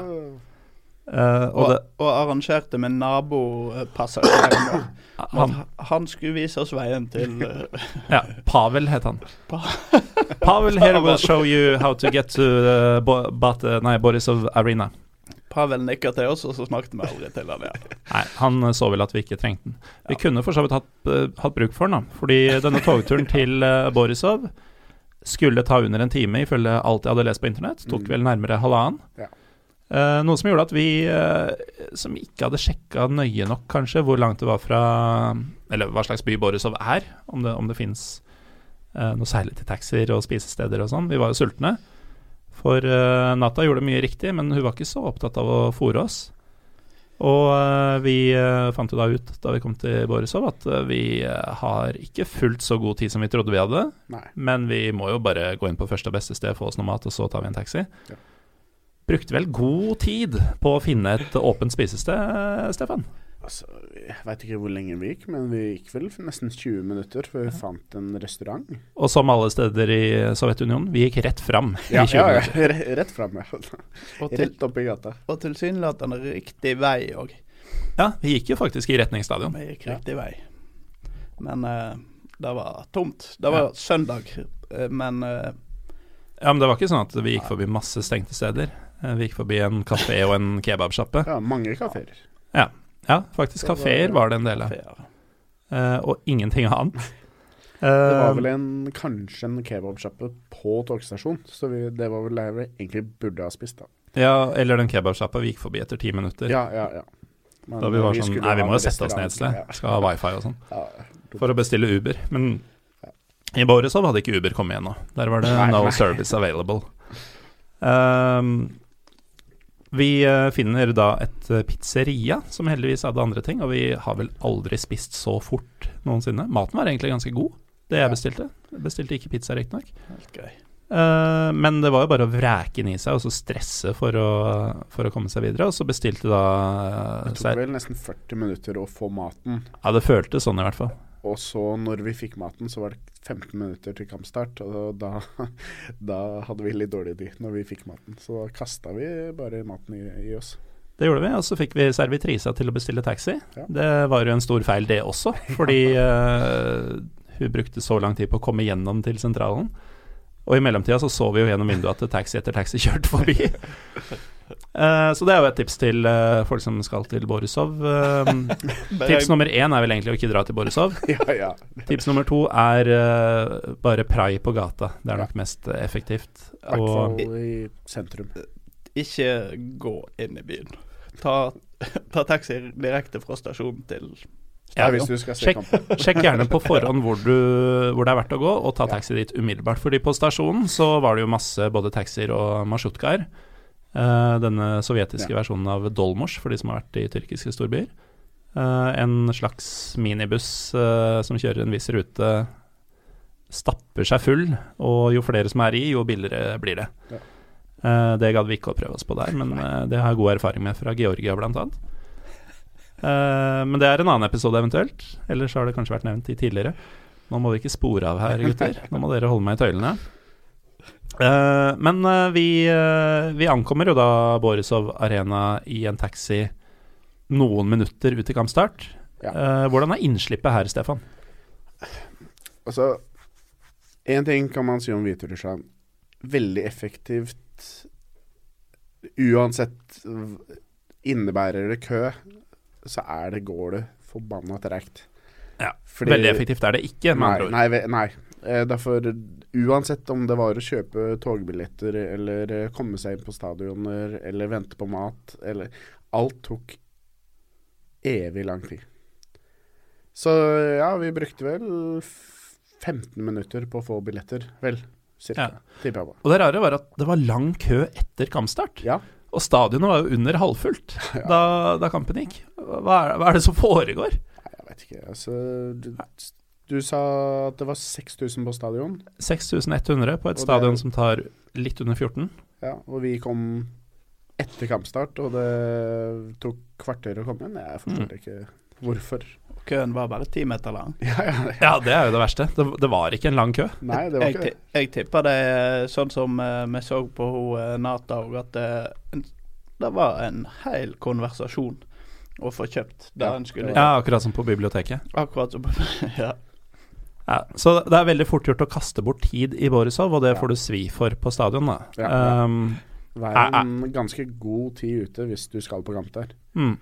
Helt klart. Det er jo et uh, veldig nytt stadion, det skal vi snakke litt om seinere, men uh, vi skulle da se Bate. Mm. Uh, ikke Bate Borisov, som mange sier, fordi B-en i Bate står for Borisov. Ja. Borisov Automatics and, Nei, Automatic and nei, Automatic- Au- Automobile and Tractor Electronics Ja, veldig spesielt navn. Ja, og det Vi så jo at traktor er ganske relevant for det, for det hviterussiske samfunn, Heine. Mm. ja, det er jo Det er det de driver med der. traktorens vugge i Sovjet. Etter andre verdenskrig så bygde de opp eh, Hviterussland som et industrisenter. Mm. De har pøst ut traktorer siden. De har pøst ut traktorer, og veldig mange av disse hviterussiske traktorene som har blitt pøst ut, har da blitt produsert i Borisov av dette mektige Borisov Automobile and Tractor Electronics. Altså, nå oversetter du jo. Um, Av Avto, eller noe sånt, ja. er det vel egentlig, men ja, det er den engelske versjonen. Ja. Um, Men uh, Stefan, altså, dette, dette er de to største klubbene i Hviterussland. Mm. Uh, nå har vi allerede sagt at stadion var halvfullt. Litt rart. Nummer én mot nummer to, de to største klubbene. Ja. Uh, søndag kveld, flomlys. Alt ligger til kort reisevei. Mm. Alt ligger til rette for en rysare. Um, men før vi går på kampen, så må vi jo snakke litt om klubbene. Mm. Bate voldsomt dominerende de siste ti pluss årene. Det, jeg jeg sjekka det litt opp, og der sto det at eh, klubben ble etablert i 1996. Ja, eller det vil si de, eh, Eller- de, de ble oppløst i 1984 Ja, og ja. gjenoppsto i 1996. Men i hvert fall etter 1996 har du tatt 14 titler, og 12 på rad nå. Ja. Og det er ganske ganske drøyt. Og For å sette det i perspektiv, så slutta vel Rosenborg sin på 13. Ja. Eh, verdensrekorden, uh, leste jeg et eller annet sted, var et Men de er lag jo 90 år gamle, da, så i forhold til de her Ja, de har vel blitt 91 nå. Ja, 91, ja. Men nå vet jeg ikke helt hvor det notatet ble av. Men det er en klubb fra Vanuatu, tror jeg, som, som har verdensrekorden i antall mesterskap på rad, og det er 15. Bate har nå 12. De kommer til å vinne denne sesongen. Gå opp i 13, tangerer Rosenborg. Ikke usannsynlig at de tar to-tre på rappen Nei, til, sånn som det ser ut nå, for de leder med ni poeng. Ja, Ingen ser ut til å være i stand til å utfordre dem. Um, hva mer er det å si om denne, denne klubben? Nei, de har jo en relativt ny stadion. Det, den stadion vi var på, var Ja. vel laga i 2014, tror jeg. Selv Heine, som ikke er noe glad i fotball, du syns det stadionet så ganske fett ut fra utsida? Ja, der, ja. Det er litt futuristisk Ja, eh, look over det. det var stilig. Det var hull i veggene og sånt, så Ja. Skinte ut på stilige måter. Mm. Jeg syns fortsatt stadion så ganske gammeldags ut innvendig. Ja, det var ikke noe high-tech-greier inne der. Utvendig så det ut som et romskip, men Ja. innvendig så så det faktisk ganske gammelt ut. Det gjorde det, og det, da, da kan jeg jo ta litt om Dynamo Dinamo også, fordi vi eh, bodde jo eh, Vi var jo nesten nærmeste nabo til Dinamo stadion i Minsk. Og eh, det også så ut som Det så veldig futuristisk ut, i hvert fall For Eh, ene fra, siden. fra, fra noen vinkler på utsida så så det Og det er jo også nyoppussa. Mm. Eh, så også ganske futuristisk ut tidvis fra utsiden. Så ut til de hadde bygd på noe futuristisk oppå en sånn gammel romersk amfi. Og det er i praksis det de har gjort, eh, egentlig. Men uh, i forarbeidet til denne episoden, altså når det heter Dinamo stadion, uh, ligger smack midt i byen, og du veit at Dinamo er det største laget i Minsk, og arguably den største, nest største klubben i landet. Så er det litt overraskende at jeg finner ut at de spiller ikke der. Nei, jeg ble veldig sjokkert når du sa det her for 20 minutter siden. Eller før, før vi starta podkasten. Ja, det, det er mer enn 20 minutter siden, Ja, for å si ja, det sånn. ok da, ja. Men øhm, Dinamo flytta jo da for noen år tilbake til traktorstadion. Så bare for å runde av denne traktortyngden i det hviterussiske samfunnet. Men, men det var en digresjon. Um, Bate. Litt sånn mangelfull eksistens til tider. Enormt troféskap.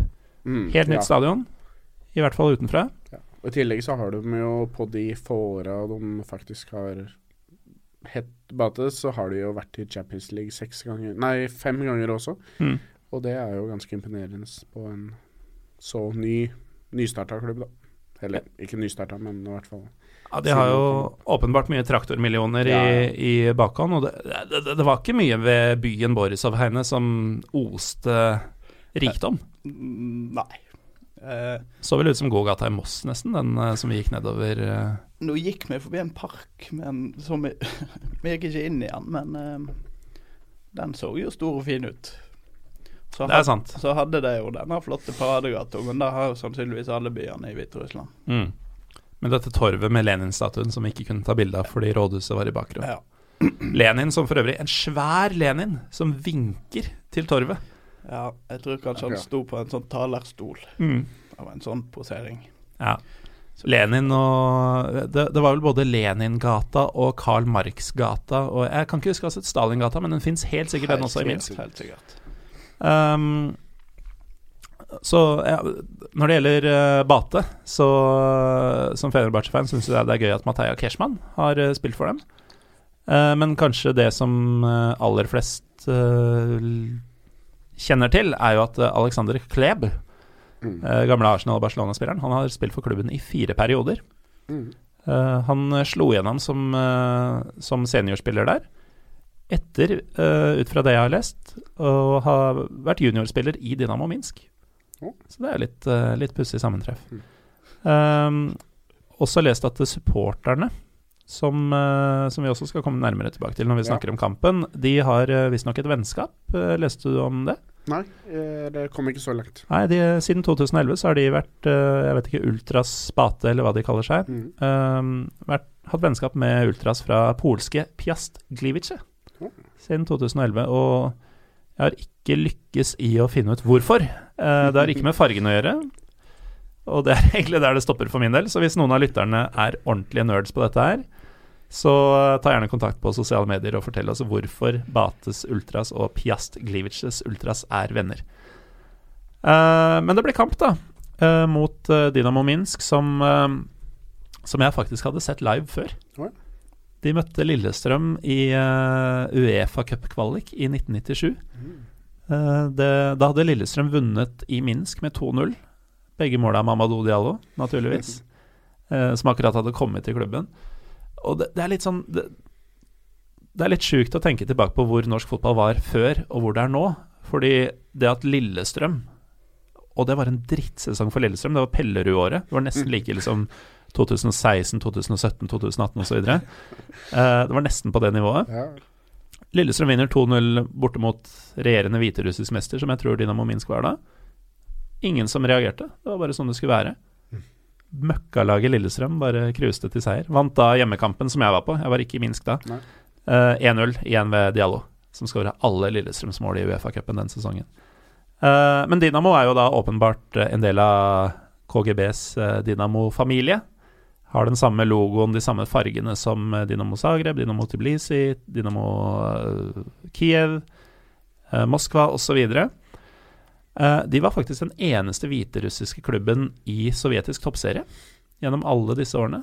De det- Altså, det er så svakt. Eh, Georgia og Aserbajdsjan er blant landene som hadde flere lag i den ligaen i løpet av eh, de 54 sesongene som sovjetisk toppserie eksisterte.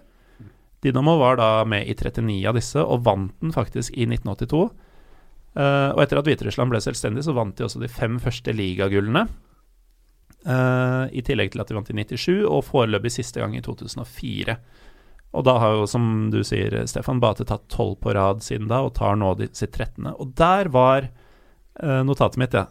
Tafea FC var laget fra Vanuatu, som har verdensrekorden med 15 strake ligamesterskap. Hvor mange lag kommer fra Vanuatu? Uh, antagelig bare Tafé FC. uh, jeg kan ikke love noen egen Vanuatu-episode med tid og stunder, men det innspillet tas til etterretning, Heine Reinskar. Når fylkesmannen sier hopp, så hopper vi.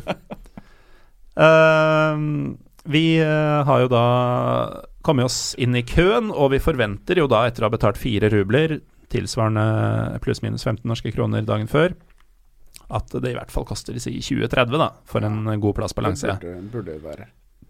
Et Champions League-lag. Ja, Skulle tro det kosta Med det nye stadionet og alle ligagullene og sånn. Um, Heine, det var vel du som tilfeldigvis havna først i eh, køen der og skulle bestille billetter først? Uh, hvis ikke jeg tar helt feil? Husker ikke. Nei. Høres ut som en dårlig idé. Vi ber i hvert fall på med tegnspråk og engelsk om tre billetter på felt et eller annet. Vi fikk ikke det feltet for øvrig. Jeg tror jeg, jeg, tror jeg sa ganske tydelig E, og sendte vi med billetter på A eller B. Eh, men uh, det kosta jo ikke 30-40 rubler eh, per billett, Heine. Nei, altså Var det billigere enn kampen før? Det var billigere enn kampen før.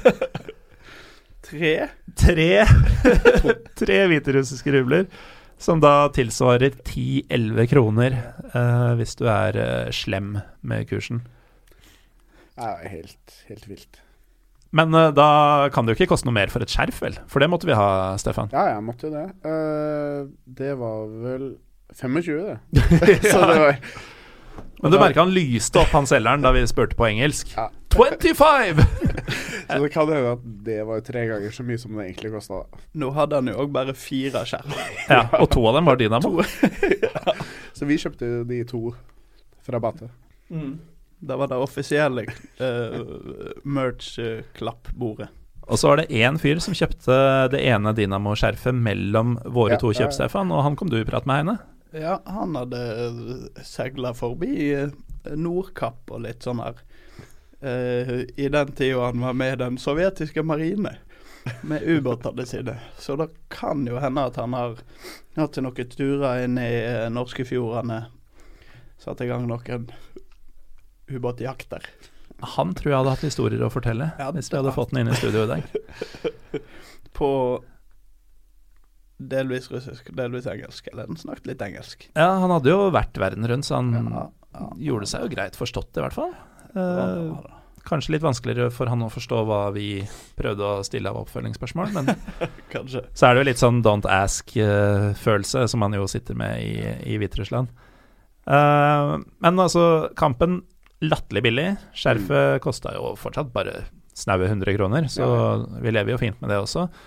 Eh, hvordan opplevde du kampen, Stefan? Da vi kom Altså- inn, så sto det allerede 0-1. Ja. Dinamo hadde tatt ledelsen. Det var jo Sånn tribunmessig så var det jo ganske tamt når vi kom inn. Men så klart, da lå jo hjemmelaget under allerede. Mm.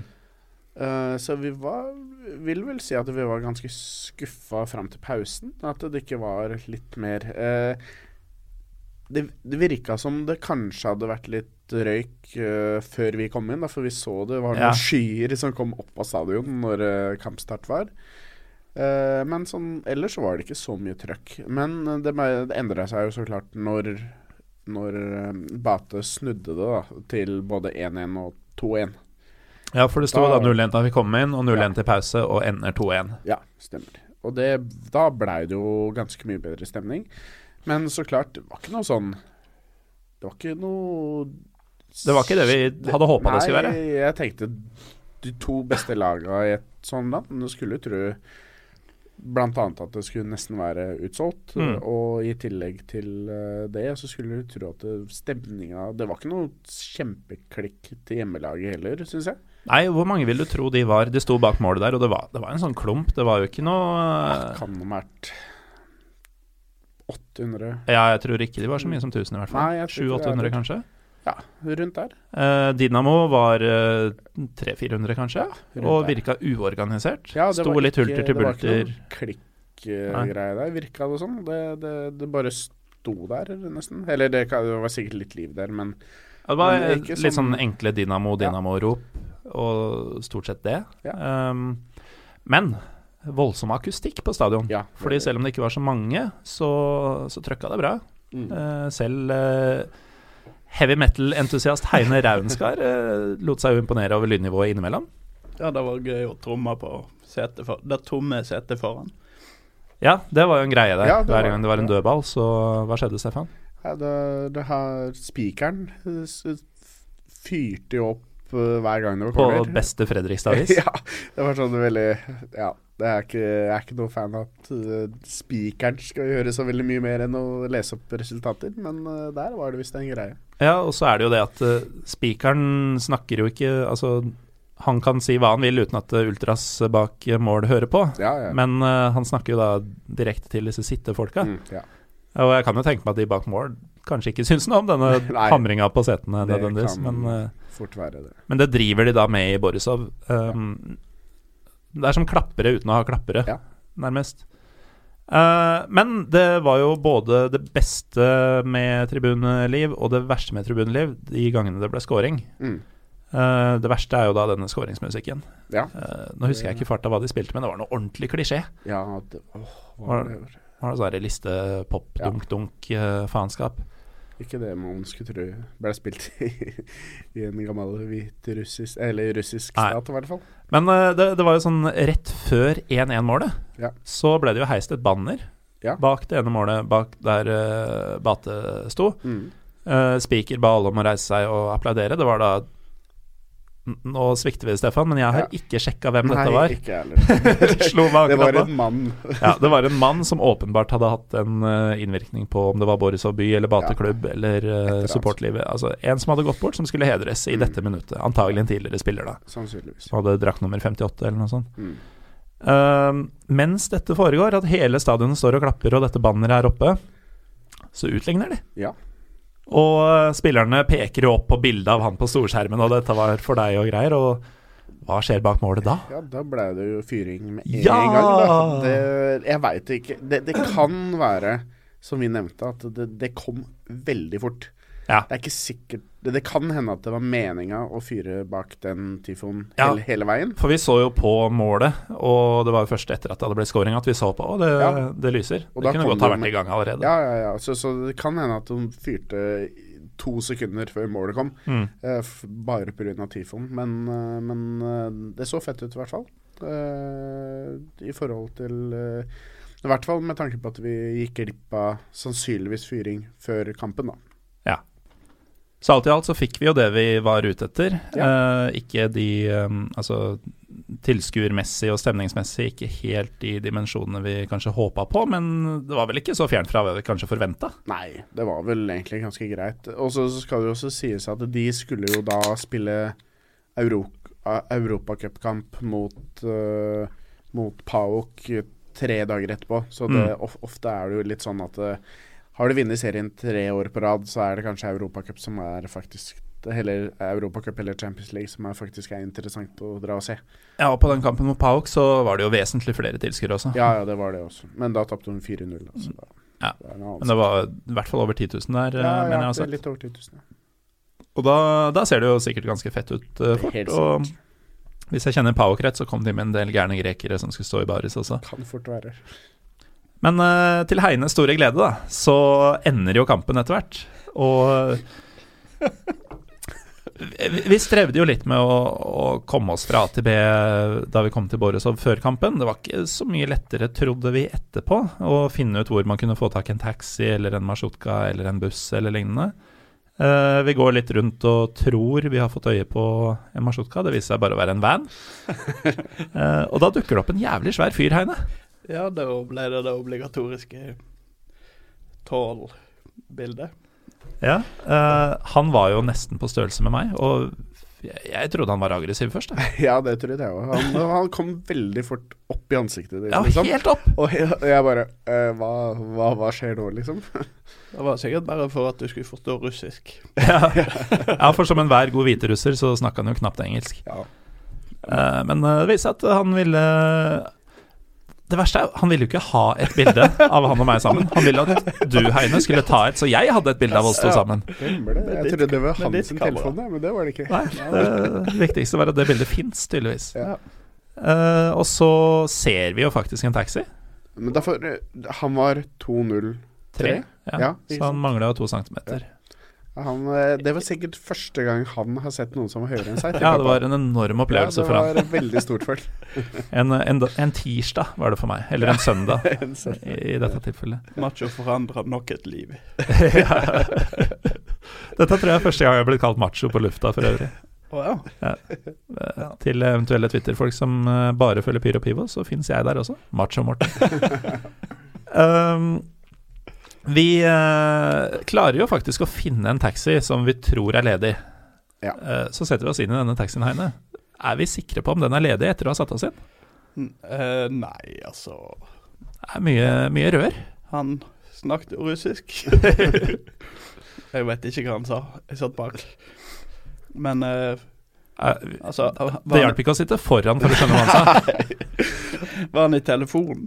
Ja, det virka sånn. Ja. Det virka nesten som om han egentlig var bestilt, og så Ja, drev han og ringte Det var det sentralen jeg om trodde. ja. Jeg trodde vi måtte gå ut Er dette en, riktige folk, en liten, en liten tid der. Så Mm. trodde jeg vi eh, prøver å liksom få oss til å gå ut. Men eh, så klarte vi liksom å Jeg veit ikke om vi, Han skjønte vel ikke hvor vi skulle. Nei, fordi dette er noe av det mest sjarmerende jeg veit om når Ja. man er på en tur hvor man ikke snakker språket. At eh, uansett hvor håpløst det virker, Og det virka forklare, håpløst. ja, forklare hvor du vil, så finner man alltid sin måte. Ja. Eh, I dette tilfellet så var det jo han eh, Altså, vi sa train station. Ja. Det gikk hus forbi.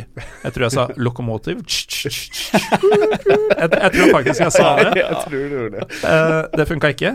Så sa jeg Stanica, som er vel Om det er et sånn vanlig slavisk ord for stasjon. Um, det var det tydeligvis ikke på dette språket. Før han plutselig bare sånn Stansia! Ja, da skjønte han Ja, da der skjønte jeg. Og da, og da var etter Stefan drog opp uh, togbilletten. Ja, Ja. ja, jeg viste fram togbilletten. Men selv da så lurte han jo på om vi skulle til Minsk. Ja, ja, da, for det sto jo da Minsk eh, og Ja, han, han var jo sykt hypp på å kjøre oss til Minsk. Ja, ja, ja. I den Kunne svært gamle. Volvo 740, eller hva det var for noe. Nei, da tror jeg ikke var vestlig merke. Nei. Nei, det var en ganske sliten bil. Um, han uh, var jo veldig serviceinnstilt da han først skjønte hva vi skulle, da, Heine. Ja. Han ville til og med at vi skulle uh, fôres. Han åpna, åpna hanskerommet, og der inne hadde han ikke bare ett, men mange epler. Svære epler. Som, Som. Sovjetbola-epler. Jeg takka høflig nei. Og, Ja. Heldigvis et ord vi kunne på russisk. Niet spasiba. Og i tillegg så Først, Han ville jo bare gi det til oss. Ja. Helt til vi stoppa bilen og han fikk litt tips. ja. Da ble han jo helt vill, for da skulle han i hvert fall gi det til oss. Derfor da, da var det sånn Å, herregud, jeg fikk ekstra Jeg fikk 12 kroner. 12 kroner. Bare, ta eple, ta eple. Ja, da skal du nesten hive eplet i bakhuet på Heine på vei ut av bilen. Um, tenk om han hadde kjørt oss til Minsk. Da. Vi hadde måttet spise de eplene, vi. Uh,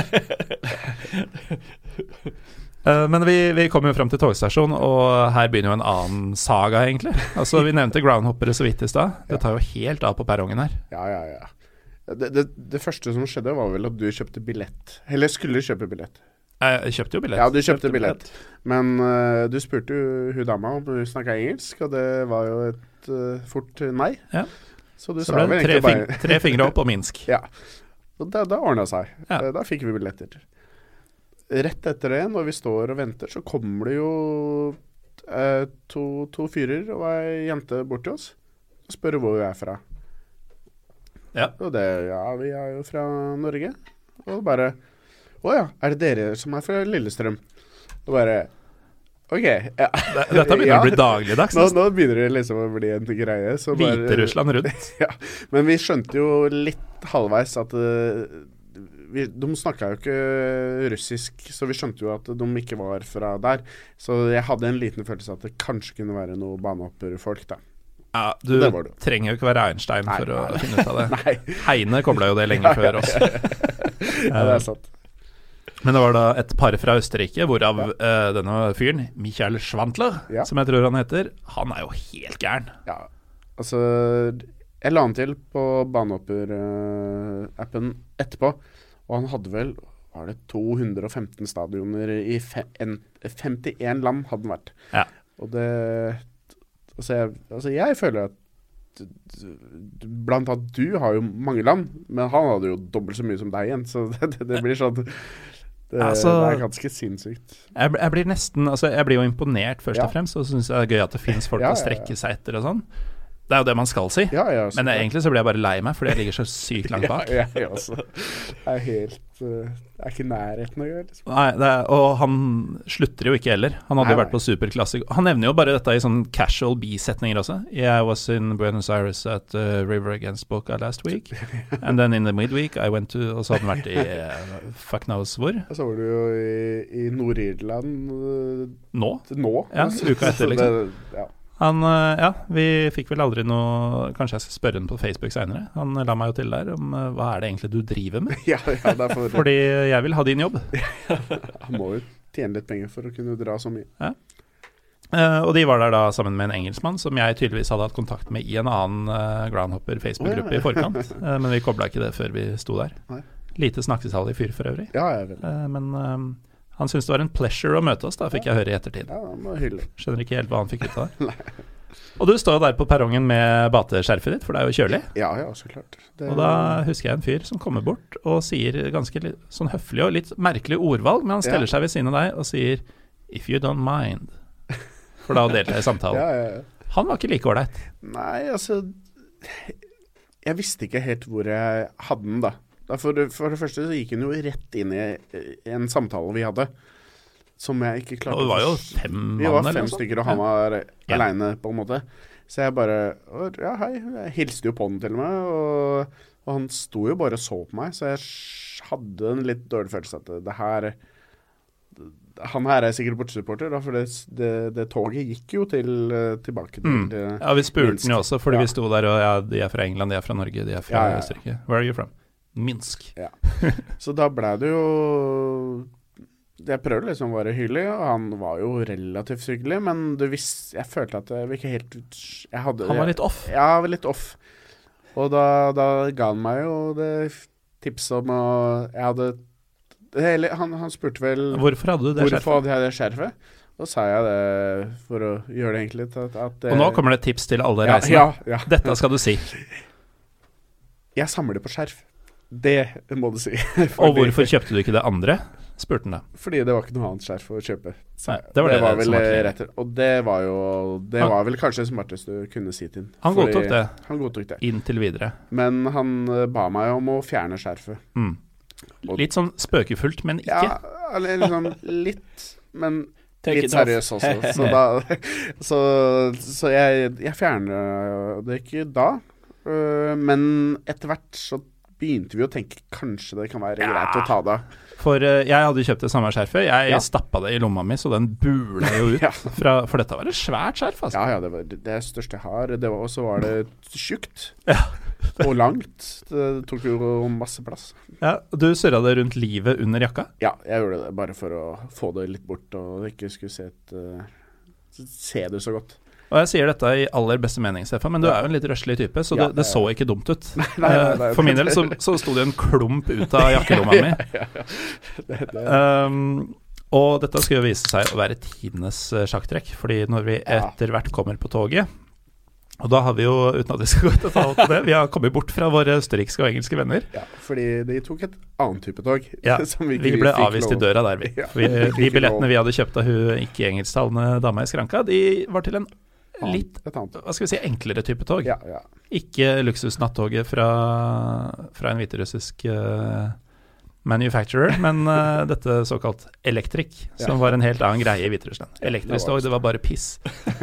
det kosta ingenting. Og vi uh, Det starter jo greit. Vi setter oss der, finner en fireseter hvor vi tre ikke minste kara i verden får ok med plass. Ja. Tenker at den drøye timen nå skal gå ganske fint og rolig for seg. Mm. Sitter en ganske søt, men ung dame tvers over oss i gangen. Og det skulle vel nesten bli vår bane, Heine? Ja, der kom jo Vet ikke jeg. Altså, for meg så ser det ut som typiske fotballsupportere. Litt fulle, høylytte. Litt merkeklær og Ja, ja, sant. Det har jeg hørt om. Mm. Og så Da stuper bare en flokk av disse her gutta. N- Over hun her jenta. Stakkars jenta som satt der og skulle bare hjem, sikkert. Og Vi satt jo der og hadde litt lyst til å gjøre noe, men vi bare sånn Nei, det, vi, Nei, nei, nei. Det her eh, det var mange av dem. Og det gjorde vi, ja. Og det ble bare flere og flere også. Og de hadde vodka. Litt vodka. Mm. Litt. og gaula og sang litt og sånn her, og så vendte det jo oppmerksomheten mot oss etter hvert. Ja, for de hørte jo et annet språk. Ja. Og da snakket de jo til oss på russisk, selvfølgelig. Uh, og vi svarte etter beste evne at vi var fra Norge, Mm.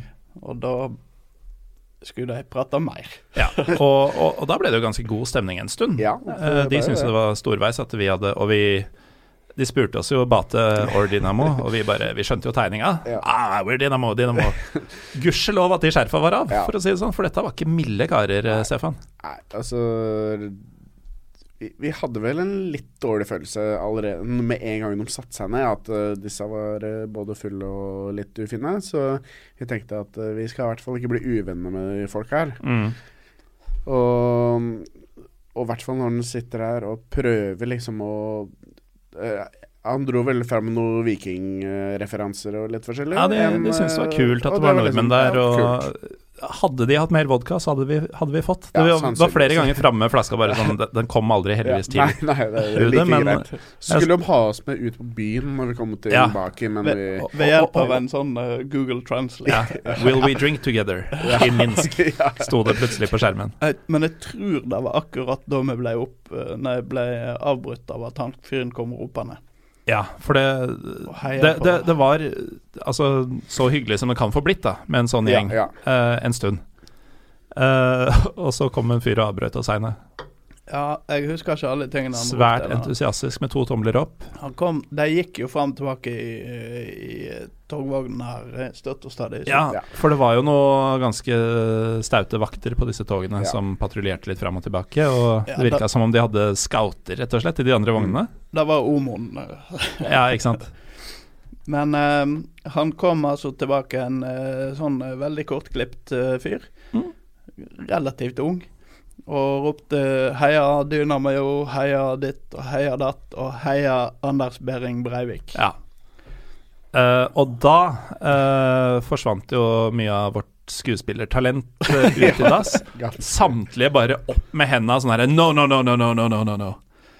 Det... Og da ble det litt uh, lumsk, Stefan. Ja, altså Det var jo det, jeg, Ryggmargsrefleksen vår bare, holdt på å bli Det er bare drit i det, liksom. Det var det første jeg tenkte. Og, så, og da, da snudde den seg jo med en gang, da, for Å ja. Så dere er Hva var det? Antifa. Eh, antifa. Antifa, og så bare pekte den på oss flere ganger. Ja, ganger. og så er det et par av dem som bare ah, Antifa norveski, ha-ha-ha. ja, Og så begynner de å rope noe sånn Antifa-rop, som de tydeligvis hadde innøvd, da, for dette Jeg kan jo si det også, at Dynamo Minsk, i likhet med veldig mange Dynamo-klubber Jeg har jo nevnt denne White Boys Club-fyren fra Kiev mange ganger i podkasten. Bad Blue Boys i Zagreb er jo et voldsomt rykte for å være grusomme. Mm. Eh, det er ingen hemmelighet at eh, Dynamo Minsk også har et høyreekstremt uh, rykte, og de har flere ganger vært i opptøyer og klammeri med politiet. Eh, og går faktisk så langt som til å synge mot eh, kommunistiske Lukasjenko, som styrer landet. Mm. Det er det ikke Altså, da skal du være ganske overbevist om at eh, den andre veien er bedre, hvis du skal tørre det i Hviterussland. Ja. Um, da var vi ikke høye i hatten. Nei, vi var ikke det. Og, og en annen ting også var at vi så jo noe poser med noe hvitt pulver som ble sendt rundt der, som også heller ikke gjorde situasjonen så veldig mye bedre for oss. At vi eh, Folk og- blir ikke mer stabile av å ha poser med hvitt pulver med seg. Også, de, de, de slåss jo med hverandre. Ja, han derre gamle eh, fyren som sparka sparka sixpence-fyren i trynet. Ja, det var jo helt kaos. Og det er mellom venner. Ja, dette var humoren deres. Ja, det var humoren. Så hvis det, på en måte de hadde sett skjerfa våre, eller hadde virkelig begynt å ikke like oss, er ikke sikkert det hadde vært så fett Ja. for oss. Og da begynte jeg å stresse litt, fordi jeg hadde jo gitt dem et pyro pivo klistremerke da stemninga var god. Uh, og det slo meg jo ikke at det er jo en del sånn Nå er ikke dette en kommunistpodkast, men uh, hvis man bare ser logoen og klistremerkene og veldig mye av uh, estetikken Ja. til pyro og pivo, så får man jo et annet inntrykk. Det var annet en hammer og sigd på det klistremerket. Og det hadde jo de selvfølgelig klistra på vinduet der vi satt. Ja, ja, Sånn at hvis disse. Omon-gutta hadde kommet, som vi merka jo det da vi skulle gå over veien der det ikke var fotgjengerfelt, ikke sant. Hvis de hadde fått for seg at vi hadde drevet hærverk på toget deres, er jo én ting. Men det at disse gutta som hadde fått for seg at vi var eh, ikke politiske venner av dem, eh, om de hadde lagt sammen to og to der kunne ha blitt stygt. ja, Og så var det jo det at uh, dette skjerfet som bula i lomma mi, ikke sant. Jeg forventa jo nesten litt sånn herre Hva har du der? Nei, det er bare en genser. Ja, er den kul, eller? Ja, det, er, Så da hadde vi litt noia. det var vel den den halvtimen som jeg virkelig var litt usikker på åssen det her kom til å gå på den turen. Mm. Da var jeg faktisk ganske glad for at jeg visste at det går Omon-folk Ja, ja, ja, ja, i toget. Ja, da savna jeg Omon-gutta. De brukte en stund på å komme Ja, det tilbake. tok altfor lang tid. Men de, disse gutta, altså Flere av dem gikk jo til do i en annen vogn for å prøve seg på dette pulveret. Og ble jo da gjerne borte en stund. De som ikke gjorde det midt i vogna, stående i midtgangen. De som ikke Som gjorde det midt i vogna. Um, og så var det jo flere av dem som sovna, rett og slett. ja, Og det var jo Guds lykke. Ja, det var like greit. Og ikke minst, vi, eh, vi bodde jo veldig nærme togstasjonen. Og vi skulle jo gå i retning sentrum fra togstasjonen, så vi hadde jo forventa litt at eh, når vi kommer fram, hvordan skal vi riste, oss, riste av oss disse gutta? Fordi vi har jo sagt at vi ikke skal ut, men vi kommer til å måtte gå med dem en stund. Jeg vil jo helst ikke at de skal vite hvor vi bor, egentlig. um, og så går de av på stoppet før sentralstasjon. Flesteparten av dem. I hvert fall de som hadde vært mest ihuga. Ja. Da var det bare å puste ut lett, og lettelse. ta fram bateskjerfa og begynne å synge kommunistsanger. Kanskje ikke det, Nei. men uh, i hvert fall det var uh, Det endte godt, da. Ja, det gjorde det. Og hele denne anekdoten, eller historien, eh, minner meg litt om eh, i eh, forrige uke, på fredag, så var jeg på biblioteket i Bergen igjen og hadde livepodkast. Og da satt jeg der, og det gikk opp for meg underveis i en setning hvor absurd det var. Fordi jeg, det var et eller annet som gjorde at jeg kom inn på dette. Så jeg sier, henvender meg til salen og bare Ja, jeg var jo på et tog i Hviterussland her om dagen. Og så stopper jeg på bare Ja, faktisk! og da dukka jo da denne ja, Breivik-greia opp, som Det er ikke første gang vi har opplevd det for øvrig eh, blant gamle, eller gamle sovjetere, Stefan. Nei, altså vi var jo Det var jo turen til Israel, det. Ja. Som vi satt på en eller annen buss fra mellom eh, Fra Tel Aviv til Haifa. Ja, stemmer. Der det var en fyr som var også Ukrainer veldig denne gangen. Ja, ukrainer. ja. Og han var jo også veldig interessert i å prate med oss, og han også dro vel fram eh, noe greier om eh, Jeg, jeg tror det han sa var noe sånn Han hadde også var jo halvveis i engelsk, Ja. som man jo skal være hvis man er en apekatt fra, fra Sovjetunionen. Anders Behring Breivik, very good. mm, Noe sånt noe. Og det var også da vi vel vår samtale Ja, da var det å også. switche over til norsk og snakke mellom hverandre. Ja. Eh, vi klarte oss, da. I én del. Vi eh, fikk med oss to fotballkamper. Vi spiste og drakk det man skal spise og drikke. Vi fikk et, eh, for det meste, får vi si, positivt inntrykk av menneskene i Ja. Hviterussland. Um, og så er det jo da Når du, når du drar på en uh, fotballkamp, en stor fotballkamp, i et eh, land som har sine problemer, så du, du kan jo si at vi på en måte leiter etter trøbbel. Ja, og det ja, lille trøbbelet vi potensielt fant, det, det kommer vi oss gjennom uten Ja. en skramme. Ja. Um, når vi nå Vi dro hjem dagen etter, eller det vil si eh, Stefan og jeg, vi dro til Vilnius. Du dro hjem dagen etter, Heine. Jeg dro hjem. Når du tenker på hva du um, trodde om Minsk og Hviterussland på forhånd, og du nå har vært der og fått reflektert litt, um, hva, hva syns du? Eh, egentlig positivt overraska og veldig fornøyd. Det Ja. var gøy. Det var en veldig fin ja, tur. det var kjekt. Jeg er helt enig. Jeg, jeg vil gå så langt som til å si at jeg storkoste meg i Hviterussland. Ja, ja, det var det var den timen på toget som eh, Ja. trakk litt ned. Utenom det så er det vel nesten ingenting å, å si. Som er negativt, i hvert fall. Eh, det eneste var han og Airbnb det, det glemte vi i stad. Ja, nei, vi har ikke glemt Nei, vi det, men vi, glemt det, men vi ja. tar jo ting litt kronologisk, tenkte jeg, som en, ja, som ja, en god vert. Ja, ja, så klart. For det var. Men eh, ja, du kan jo Nå har du jo sagt A. ja, ok. Eh, vi, fordi vi nevnte tidligere at inntrykket og selve leiligheten var bra. ja, vi, Og så sier vi jo det til Airbnb-appen når vi har Ja. sjekka ut. vi gir dem jo bra rating og alt. Da er jeg vant til å få gode ratings tilbake. Ja, Men det fikk vi ikke.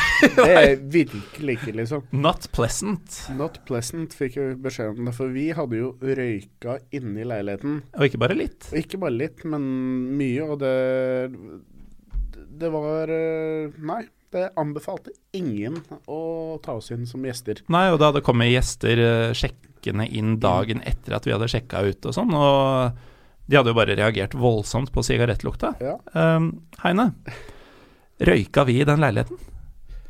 Altså, nå lå jo jeg og deg i, på ett rom og Stefan på et annet, så jeg kan jo ikke snakke for Stefan. Nei. eh, Du så han jo ikke røyke jeg mens vi var sammen med den. Så ingen røyka i leiligheten, nei. nei. Uh, altså, nei. hvis, hvis vi teller opp, så tror jeg mellom oss at det ble røyka én sigarett i løpet av turen, og det var du som ble påtvunget en på byen. Ja, da var han, eh, han Eller var det på på FC Minsk-kampen? Ja, han, ja. nei, det var vel da. Ja, da, da kom som en overraskelse på meg. Ja, dette har ikke vi fortalt deg før. Vi, vi satt i Vilnius, eh, var vel på toget fra Trakai til Vilnius etter en uh, mislykka fotballtur, som du skal fortelle litt om snart. uh, Stefan, hvor, uh, hvor den tilbakemeldinga kom, og vi skjønte ingenting. Nei, altså jeg trodde det først var skrivefeil, men uh, når det var et eh, Ja, Det var en, en, en ganske lang eh, negativ kommentar tilbake. mm.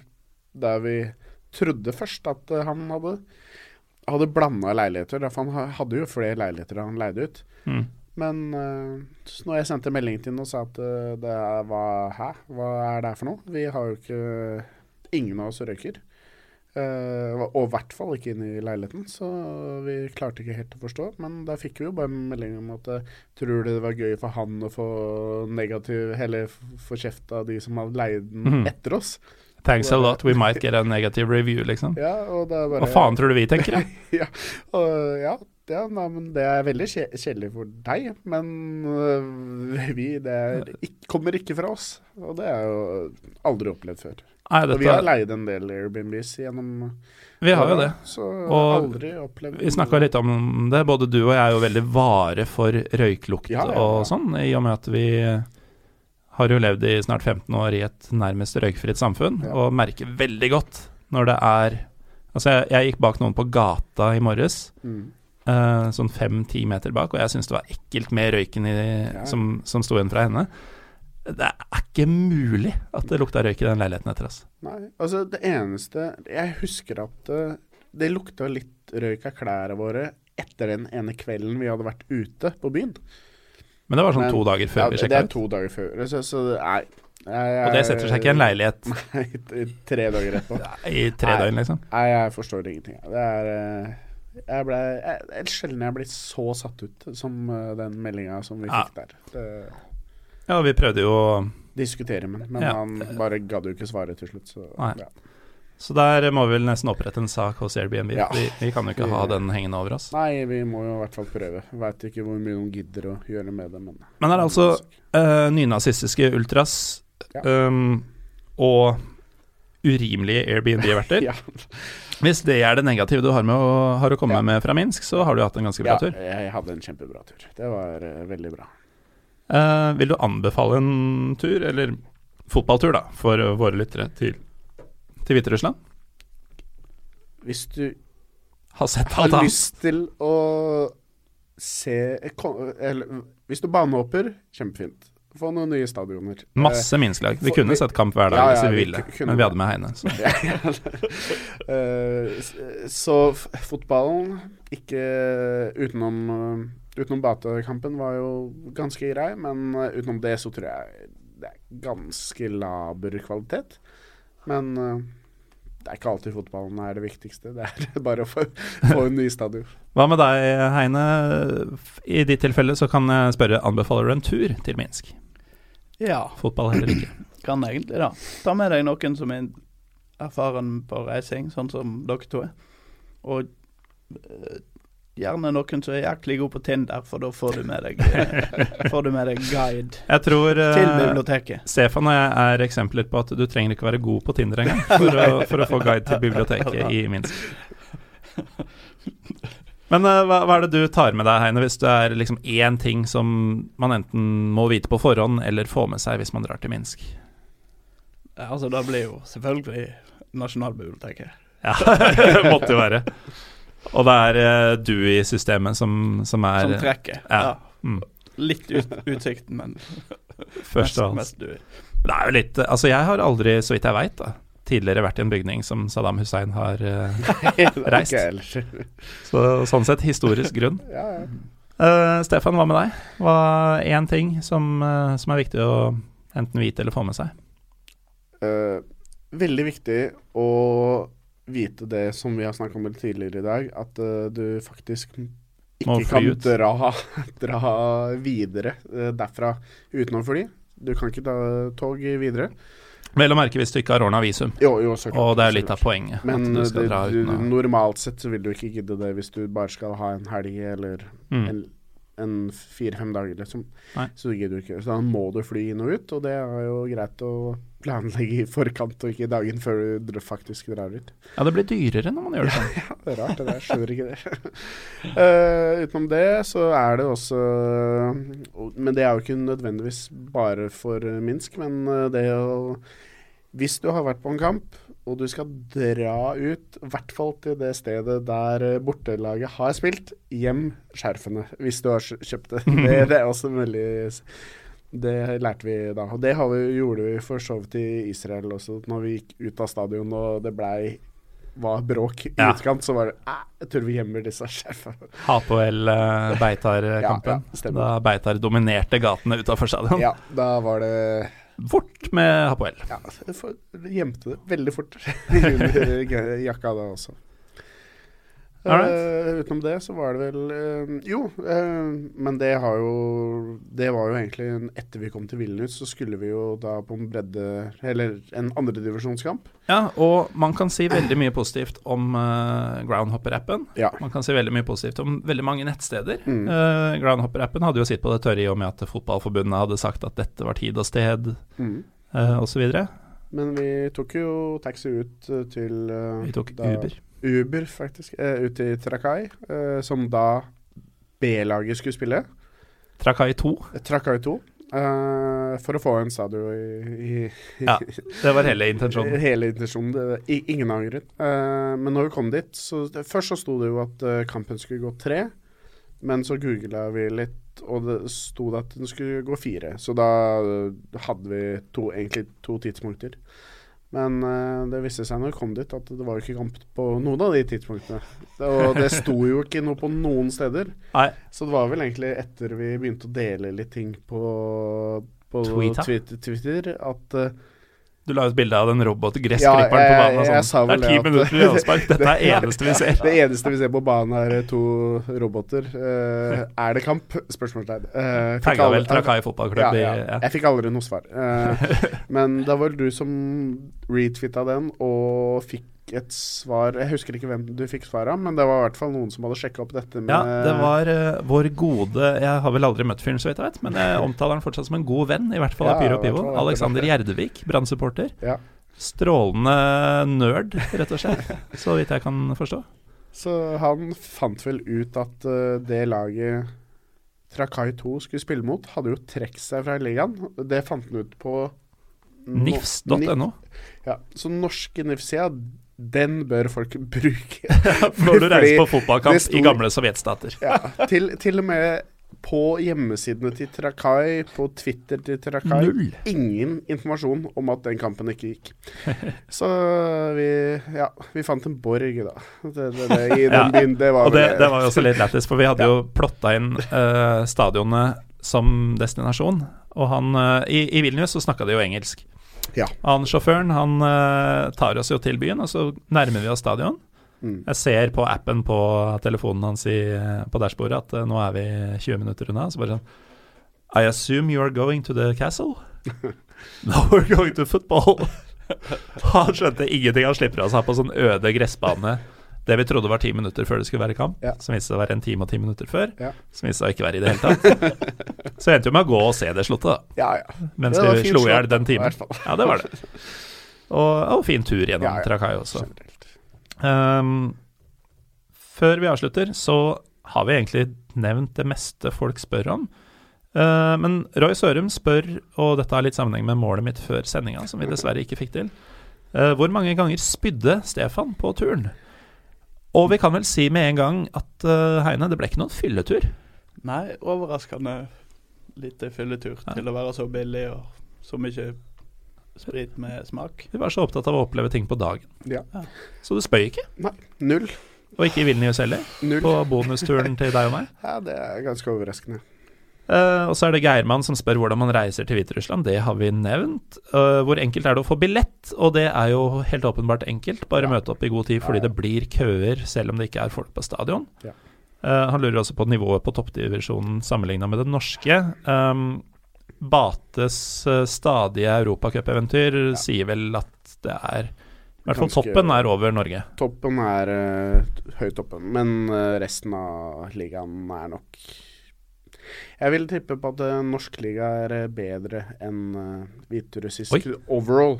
Totalt sett. Hvis du, hvis du tar bort Rosenborg og tar bort uh... Jeg tror at FC Minsk, og ikke minst Sløtsk, som også fins, hadde drept Lillestrøm. Jo, jo. Men, Men- da snakker vi om bånn av divisjonene igjen, da. Ja. Det, så da, Men det er jo det store bildet. Ja, ja, ja, i det store bildet. Um, og ellers er det ikke så mange vettuge-spørsmål fra dere, kjære lyttere. Dere må skjerpe dere. Uh, vi uh, gir oss, vi, med det, tenker jeg. Takk, Stefan, for at du dukker opp for tredje sesong på rad. Ja. Og deler av dine stadig merkeligere erfaringer. Jo, ja. Det blir, det blir ikke siste. Nei, Og du er at superstefancom Ja. på Twitter, for de som skulle lure. Veldig gammel webside, egentlig. Superstefan. Som uh, 33-åring har du vel blitt nå. Ja. Um, hvor fornøyd er du med kallenavnet Super-Stefan? Fortsatt kjempefornøyd. Og du, eh, onkel Selvlagt. Fusa, eh, at uh, Raunskar, er det det? Jeg vet ikke. Og, ja, du lasta jo ned Twitter i dag for å finne ut hva ditt gamle brukernavn og sånn var. Du har aldri tweeta, men du har vært eh, tilgjengelig der i seks-sju år. Fem år. Fem år. Eh, takk for at du kom og snakka fotball, til tross for at du ikke veit hva fotball er. Det var en glede. Og ikke minst, takk for turen, mine Takk herrer. for turen. Takk for turen. Til dere som hører på, så vil vi gjerne at dere følger eh, Pyro Pivopod på Twitter og Instagram. Jeg heter Morten Gallaasen. Um, vi høres forhåpentligvis eh, senere også, selv etter eh, dette makkverk av en podkast. Nei da. Jo da. Ja, kanskje litt. Dos vidania.